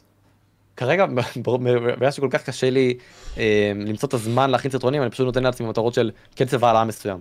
אני יודע שכאילו ברגע שאני, שאני אעשה תוכן טוב בקצב קבוע, אז רוב הסיכויים שגם השאר יבוא, בין אם זה, לא יודע, צפיות, ספונסרים, אה, חסויות וכולי. אז, אז המטרה שלי כרגע זה פשוט לעלות בקצב קבוע, כן. המטרה שלך זה לעלות בקצב קבוע, ובעיקרון כאילו אתה אומר לי שמה שחשוב גם זה שיפור כל הזמן בדברים שאתה עושה, כן. אבל פה כאילו אנחנו מגיעים לשלב שכמה אתה יכול להשתפר עוד. כמה אתה יכול לדחוף את עצמך עוד, מה אתה יכול עוד, כאילו, ברור שיש תמיד מה ללמוד, אבל כמה אתה יכול עוד ללמוד? איך אתה יכול לשפר את עצמך? ברור שאין גבול. מה אתה מנסה אה. לעשות בשביל לשפר, כאילו, בקטע הזה? חוץ מלראות את הפודקאסטים האלה והכל, כן. אתה מתייעץ עם אנשים, יש לך group מסוים שאתה מתייעץ איתם איך לשפר כל הזמן את הסרטונים? כי אני חושב שזה לא, חשוב. זה ממש ממש ממש חשוב. אני בדרך כלל שולח לנברסט וסייקלינג, אה, כל סרטון לפני שאני מעלה אותו, וגם שואל אותם מה דעתם עליו. אותו דבר גם לגבי thumbnail ים. אה, שום thumbnail שלי לא עולה לפני שמישהו עובר עליו ומאשר לי אותו. אה, ובכללי יש כאילו, יש עוד כמה שיטות ש... שצריך לעשות ל thumbnail ים וכולי.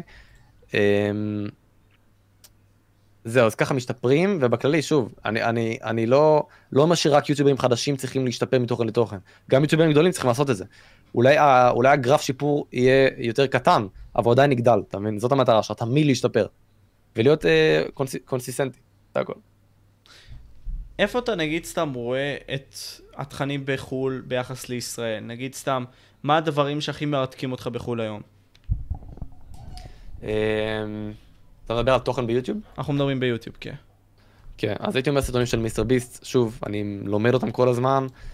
אמ, וסרטונים של story uh, telling, ממש מעניין אותי, דיברנו על זה בהתחלה, סיפורים שפשוט מספרים סיפור, זה ממש מעניין אותי איך עשו את זה, יש הרבה שיטות, אז uh, זה גם משהו שאני לומד הרבה, יחסית.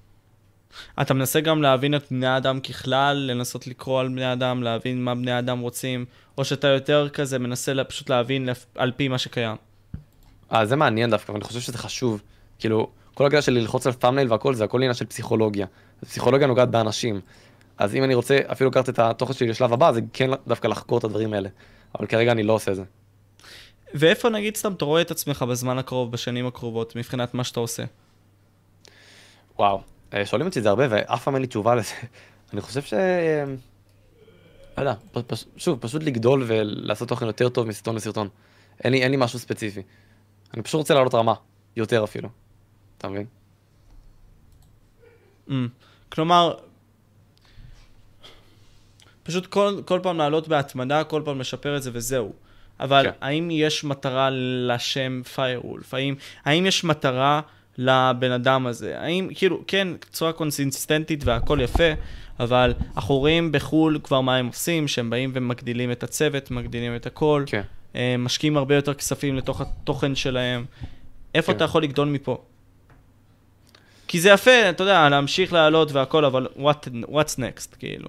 כן, להיות full time, what's next. זהו, אז uh, פשוט scale up, להשיג עורך, להעלות קצב uh, העלאה, להשיג עוד אנשים שיעבדו בשבילי, uh, לייעל את העבודה שלי, פשוט ליצור תוכן ממש ממש טוב עם, עם עוד אנשים, אני חושב שזו המטרה. אבל שוב, זה ממש קשה, אנשים חושבים פשוט, תשיג עורך, אבל זה לא כזה קל, אתה צריך למצוא עורך שמכיר את ה style שלך, יודע איך לערוך, מבין ב retention, ואני בספק אם יש הרבה כאלה. אז זה קשה, זה קשה מאוד, אבל uh, זה השלב הבא. רק ככה עושים scale up, זה הכל. אתה חושב שדיסקורד זה דבר חשוב בכללי בתור יוצר תוכן, או טלגרם בכללי לקשר בין יוצ... בין, בינך לבין הצופה? Um, לא, לא חושב שזה חשוב. דיסקורד זה, זה, זה, זה אקסטרה, כן? גם טלגרם זה אקסטרה, אבל מבחינת דיסקורד אני לא חושב שיש יוצרי תוכן אה, שממש פעילים בשרת דיסקורד שלהם, הם פשוט יוצרים אותו ונותנים לאנשים אחרים לנהל אותו, ובקושי גוזים שם הודעות. אותו דבר גם לגבי טלגרם, גם אם יש לי מישהו קבוצה כלשהי ואני לא מכיר אבל אני לא חושב שמנהלים את זה שם. אז עובדתית אנשים מצליחים בארץ בלי זה. אז כנראה שלא צריך את זה, אתה מבין? אבל האם האפשרות שדבר כזה יבוא ו... אתה יודע, אפשרי ליצור בקלות שרת דיסקורד, אפשרי בקלות גם לתפעל אותו, ואפשרי בקלות גם לתת לאנשים אחרים להפעיל אותו, אז למה פשוט לא לגרום לכך שיהיה לך תמיד קהל זמין, שאתה תוכל לשלוח אליו הודעה, ואם השרת שלך מספיק מעניין וטוב, אז אתה יודע, תמיד יש לך קרקע לכך שהערוץ שלך יקבל החייאה מחדש. כמו לא טוב, TGI. זה... זה חשוב, אבל שוב יש עוד הרבה דברים, יש הרבה, עוד, עוד הרבה דברים שאפשר לעשות, הכל עניין של ניהול זמן וסדר עדיפויות. מה, מה אתה רוצה לעשות יותר, מה יותר חשוב, מה פחות חשוב, כמה זמן יש לך וכמה זמן אתה רוצה להשקיע בכל דבר שאתה רוצה לעשות. Mm. מבחינת הפודקאסטים עצמם, מה אתה רואה? אתה רואה שהדבר הזה כן בסופו של יום משפר... כאילו, זה, זה העתיד, לדעתך, בסופו של דבר, כל השיחות האלה, כל ההתמקדויות האלה, כל ה... לנסות לנקות את הרפש, להיות אותנטי, בעולם שהוא לא היה אותנטי באיזשהו מקום. אני חושב שזה סופר חשוב, פודקאסטים ממש בכללי. אה, אנשים פשוט לפעמים רוצים לראות את הבן אדם שמאחורי הסרטונים. נגיד שעכשיו פסטיבל ייכנס לפודקאסט, זה יהיה ממש מעניין, כי אנשים פשוט רואים אותו בתור הפנים של הסרטונים המטורפים שהוא עושה, ועכשיו בואו נראה מי הבן אדם שמאחורי זה, או מה התוכנית פעולה שלו, או אפילו יוטיובים חדשים שרוצים להיכנס לקהילה הזאת, רואים סוף סוף מי הבן אדם ולומדים ממנו גם מה לעשות. ובלי קשר לזה, יש אנשים שפשוט לא רוצים לצרוך תוכן ארוך ביוטיוב, פשוט לא רוצים לראות את הסרטוני שעה האלה. ומפה בא הרעיון של הקליפים. ברגע שאתה לוקח קליפ מפודקאסט ומעלה אותו גם ביוטיוב, גם בטיק טוק, גם באינסטגרם אפילו, זה חזק. כי זה מביא לך עוד, עוד פשוט חשיפה לפודקאסט. ואז פודקאסט ארוך, מפודקאסט שהוא משהו ארוך, זה הופך למשהו קצר והרבה יותר קליל. ושוב, זה, זה עדיין אה, מבסס את אותה מטרה של אתה רואה מי הבן אדם, פשוט בתוכן הרבה יותר קצר. אז שוב, אני חושב שפודקאסט זה עומד הרבה יותר לגדול, כאילו, פודקאסטים בכללי. בסופו של יום אתה חושב שיוצרי תוכן פה ילכו לתוכן, לדבר הזה יותר? כי אני מרגיש שזה חסר, גם אצל יוצרי תוכן, הנישה הזאתי. כן, זה יהיה הרבה יותר גדול. אה, שוב, אנחנו, אנחנו עוקבים אחרי חו"ל, הקהילה עוקבת אחרי חו"ל, ואם בחו"ל זה מצליח, אז גם פה זה יצליח. ואפשר לראות את הערוץ שלך כדוגמה חיה, לא? כן, סוג של, זהו. ויש לי 500 אלף צפיות בחודש, שזה nice. בלי סרטוני shorts וכל מיני כאלה בגדול. בלי שעוש- shorts? בלי shorts. למה אתה לא עושה כאילו short? עשיתי shorts, פשוט הפסקתי כי אני, אני לא יודע, יש לי פחד כזה כל הזמן שאני רוצה קודם כל לעבור על כל היוצרי תוכן הגדולים בארץ, ואז פשוט לבוא ולמנף משם את התוכן הקיים. אתה מבין? תמ... אבל מה שכן, תמיד יש לי את ה mindfuck הזה, שכל פעם אני משיג את האורחים שתמיד חלמתי שאני אשיג, במאוד קלות. כלומר, ראיינתי את הא- האינטלקטואלים הכי גדולים שרציתי, חוץ מביבי, סתם דוגמה, ואם לא הייתי בצה"ל, לדעתי, תוך, לא יודע, נגיד חצי שנה מהיום הייתי משיג אותו. יוצרי תוכן? הכי גדולים. אה, מ"צ. אבל אני, אני. רוצה להיות עורך וידאו שם, לא, לא, לא, לא. עזוב. אחי, אני יוצא. אני יוצא, לא, אני אני אמור להיות עורך וידאו שם בעיקרון. אוקיי, אמ- סבבה. מקווה, עוד פעם, fuck me, אבל אה, לא תלוי בי, אבל זה למה שהתמיינתי לפחות. אוקיי. אה, לא, אני חושב שאתה מפספס, אחי. short ים, טיק טוקים, רוץ על זה, באמת. למה לא? למה לא? תכלס. זה עוד חשיפה, כאילו, זה זה מטורף, למה למה שלא תעשה את זה? אז זהו, נראה לי אני אפסיק יותר בפודקאסטים, כי תמיד יש לי פודקאסטים שיצוצו, ופשוט על זה, ואתה יודע, כמו שאני אומר תמיד את הטיפים האלה, לעשות אותם לשם שינוי. תראה, מה- מה מה- מה Impaulsive עושים? הם עושים אה, תוכן כל שבוע, וגם לוקחים מלא מלא קליפים, בין אם זה לטיקטוק, אני לא בטוח עם טיקטוק, אבל יש להם ערוץ קליפים ביוטיוב, פשוט, אבל הרבה יותר משקיעים בכל פודקאסט ב... למשך, מדי שבוע, אתה מבין? מה אתה חושב על השיטה הזאת? וואלה, כן, אחי, אבל מה שכן, הייתי צריך למנות עורך. נגיד, ארתור פה, יש לו צלם, יש לו פה עורך, יש לו כל מיני שיט כזה, והוא מטורף, אבל נגיד, לי, אני עדיין, אני, נגיד, אני הרווחתי החודש 2,500 שקל מיוטיוב. לא הרבה, אבל סבבה. אני יכול להעביר כן. את ה-2,500 שקל האלה, וזה משהו שאני באמת רוצה לעשות. איזשהו עורך, שיערוך לי איזה כמה טיקטוקים, קרוב ל-50, 70, ולהתפוצץ משם, כי תשמע, כל טיקטוק שאני ערכתי, הגיע לי לפחות, פרט לאחד, למעבר ל-20 אלף. ואני עם 600 עוקבים. אז זה מטורף, זה מטורף. עכשיו פשוט, המטרה שלך זה לקחת את החשיפה הזאת ולהעביר אותם לפודקאסטים, נכון? כן, תכלס. אבל זהו, אתה בטוח כאילו שמעת מלא מלא פודקאסטים שאנשים אומרים, הזמן שלך לעשות טעות זה עכשיו, בגיל הזה. אין לך שום מסע, אין לך שום כאילו משהו שאתה צריך לדאוג לו, שכר דירה, מישהו שאתה מפרנס. אם אתה רוצה עכשיו להגיע לאפס שקל בבנק, אתה יכול. מה יקרה? כלום, אתה פשוט מתחיל מההתחלה, אתה מבין? אז פשוט קח כל כסף שאתה עושה ותשקיע אותו בעסק שלך, זה מה שאני חושב. אמת, אחי. אה, ארתור אומר שהוא עורך לעצמו, סליחה. אבל כן, אני, אני גם מבין מה אתה אומר. כלומר, אני, אני חושב שבסופו של יום זה מגיע מכך שהדבר הזה קשה לעשות, קשה לרצות אותו, קשה ללכת אליו, קשה לגשת לבן אדם בשביל שהוא יעשה לך את זה, ומי כמוך יודע שלפנות לעורך זה דבר שהוא לא קל ומעצבן, כן. ובהרבה מאוד מהמקרים גם מייגע. כי אתה צריך לעשות איתו את כל הפרוסס הזה, אבל משהו שאני כן מבין זה שהתועלת שתבוא מכך, כי התוכן פה קיים. התוכן היה קיים עוד מפודקאסט 70. כאילו, תכלס, אם הייתי רוצה, הייתי יכול למנף את זה. אבל לא עשיתי את זה. כאילו, נטו הלכתי לפודקאסטים עצמם. אז כאילו, אני פה מפספס אופציה מטורפת. פשוט להעצים את זה הרבה יותר. בטח. ואין לך מה להפסיד גם, כאילו, מה אתה יכול להפסיד מזה? לא, אין מה להפסיד, אני, אני תף... זמן אולי. תשמע, בסופו של יום, אני בכל, כאילו, סוג של כבר, אנשים מכירים אותי מהפודקאסטים ומלא. זה מה שאני רוצה, שבסופו של יום יכירו אותי, לא כדי להיות מפורסם, כדי שאני אוכל להמשיך עם התוכנית שלי. זה הכל עניין כן. של מספרים, וכל עניין של מטרות, והכל עניין של תוכניות. כן. וזה עובד, אבל אני לא עושה את זה מספיק נכון. מה המטרות שלך?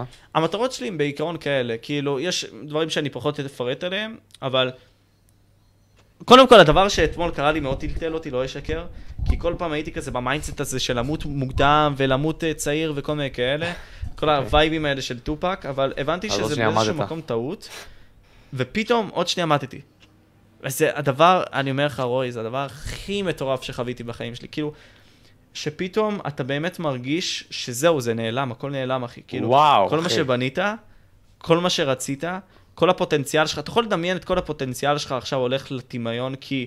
מטורף. כן, ואתה מדמיין כל הזמן, אתה, אתה אפילו לא מדמיין חוויות שהיו לך, אתה מדמיין עד כמה fucking זרע מבוזבז אתה. אתה מבין? כאילו, אתה אומר, אתה אומר, מה עשיתי? כן, לא עשית כלום. וזה עוד פעם חוזר לעניין הזה של הסיפור. כן, מתת ב fucking בריכה כמו איזה פוסי, בזמן שלא היית אמור ללכת, ואנשים לא יבואו ויספרו את הסיפור שלך בצורה, טוב, בצורה כן. טובה, אז מה עשית פה? אז המטרות שלי כאילו, long story short, להיות אוטוריטה בעולם יצירת התוכן, למה? כי בסופו של יום משפיענים הם אלו שיהיו הפוליטיקאים הבאים והם יהיו אנשי הכוח הבאים. למה? אנחנו יכולים לראות את זה כבר עם הדר מוכתר, נוכל לראות את זה גם עם לוגן פול בשנים הבאות, כי הצעירים בסופו של יום לא מבינים את המשחק הפוליטי, לא מבינים את האנשים, לא מבינים את הסיסמאות, רוצים שינוי אמיתי, רוצים למרוד, האינטרנט עוזר להם לבוא ולמרוד. בסופו של יום הם מחפשים עוגנים שיבואו ויכוונו אותם. כמו אנדרו טייט. למרות שאנדרו טייט זה לא דוגמה כן. טובה. אז אתה יכול לבוא ולהיות הבן אדם הזה בשעת המשבר הזאת ולנצל את זה לטובתך. ואם אתה תעשה את זה מספיק בחוכמה, ותהיה אותנטי גם בדרך שלך כמה שיותר, אפילו חשבתי על רעיון כזה מטומטם, של literally להיות כל הזמן עם מצלמה עליי. למה? כי זה דווקא הדבר שישבור את המטריקס. כי אם אתה כל פעם מתעד משהו שאתה עושה, לא משנה מה אתה תגיד, לא יקרה לך כלום, כי אתה תמיד מתועד. איפה תעלה את זה? תעשה לייב בטיקטוק 500 אה, שעות? אתה יכול, זה לא משנה, זה, זה לא באמת משנה. כל עוד זה באינטרנט, אתה מוגן. כי תמיד יהיו אנשים, בסופו של יום אם אתה תהיה איש גדול, וכל הזמן תצלם את עצמך, כל הזמן תעביר את עצמך, כל הזמן ת, תראה את עצמך, אתה מוגן. ואז אנשים יוכלו בסופו של יום לבוא ולהגן עליך. למה? מעניין. ואז ליצור מין סוג של חיכוך בחברה, ואם צריך לעשות מרד. זה, זה, זה נכון, מה שאמרת לגבי הפוליטיקאים והיוצא תוכן, ממש, ממש נכון, אהבתי, חכם, זהו. אבל אין לי כל כך דעה בנושא, זה נשמע, נשמע מעניין. אבל לא אמרת לי מה המטרה שלך עדיין. אוהב אותך ארתור, תודה רבה. מה המטרה שלי בעיקרון? לנסות להיות בן אדם שמשפיע על הדור הזה, מנסה כמה שיותר להילחם על חופש הביטוי הזה, שהוא לדעתי דבר שמאוד נפגע לנו. בסופו של יום אנשים חושבים שהם נלחמים למען חופש ביטוי, אבל הם באים ומשתיקים תוכניות אחרות, דברים אחרים. דברים שונים. נגיד, אנדרו טייט לא אמור להיות מושתק בחיים. בזמן שיש לנו אנשים שהם פדופילים, שיש לנו אנשים שהם גנבים, בזמן שיש לנו אנשים שהם fucking פוליטיקאים, בלי להיכנס יותר מדי לזה, כי אני לא יכול לדבר על זה מן הסתם, כי אני לא, יודע, לא רוצה שגם יפגעו בי, אה, בכל העניין הזה שפוליטיקאים באים ועושים את אותם דברים, ואפילו יותר גרועים. כן. ג'פרי אפסטין, סתם דוגמה. הוא לא, אמנם הוא לא כזה, אבל הוא בין האנשים העשירים בסופו של יום שכב ולקח אותם לפאקינג עיר, אחי, לאפסטין איילנד, ושכב איתם עם האנשים הכי עשירים בעולם, בלי לזרוק שמות. אתה מבין? בסופו של כן. יום, להילחם למען החירויות שלנו, להילחם למען הדור האבוד הזה, שהוא נמצא בכאוס, ובזמן שהוא בכאוס אפשרי הכי הרבה לשלוט עליו, ולנצל אותו, ולהגיד אנחנו נשלוט בשבילך כי אתה לא יודע לשלוט על עצמך. אני רוצה להיות הבן אדם שמנסה לעשות סדר, ואם אני צריך למות למען המטרה הזאת, זה מה ששווה את זה. זאת וואו, המטרה. אחי.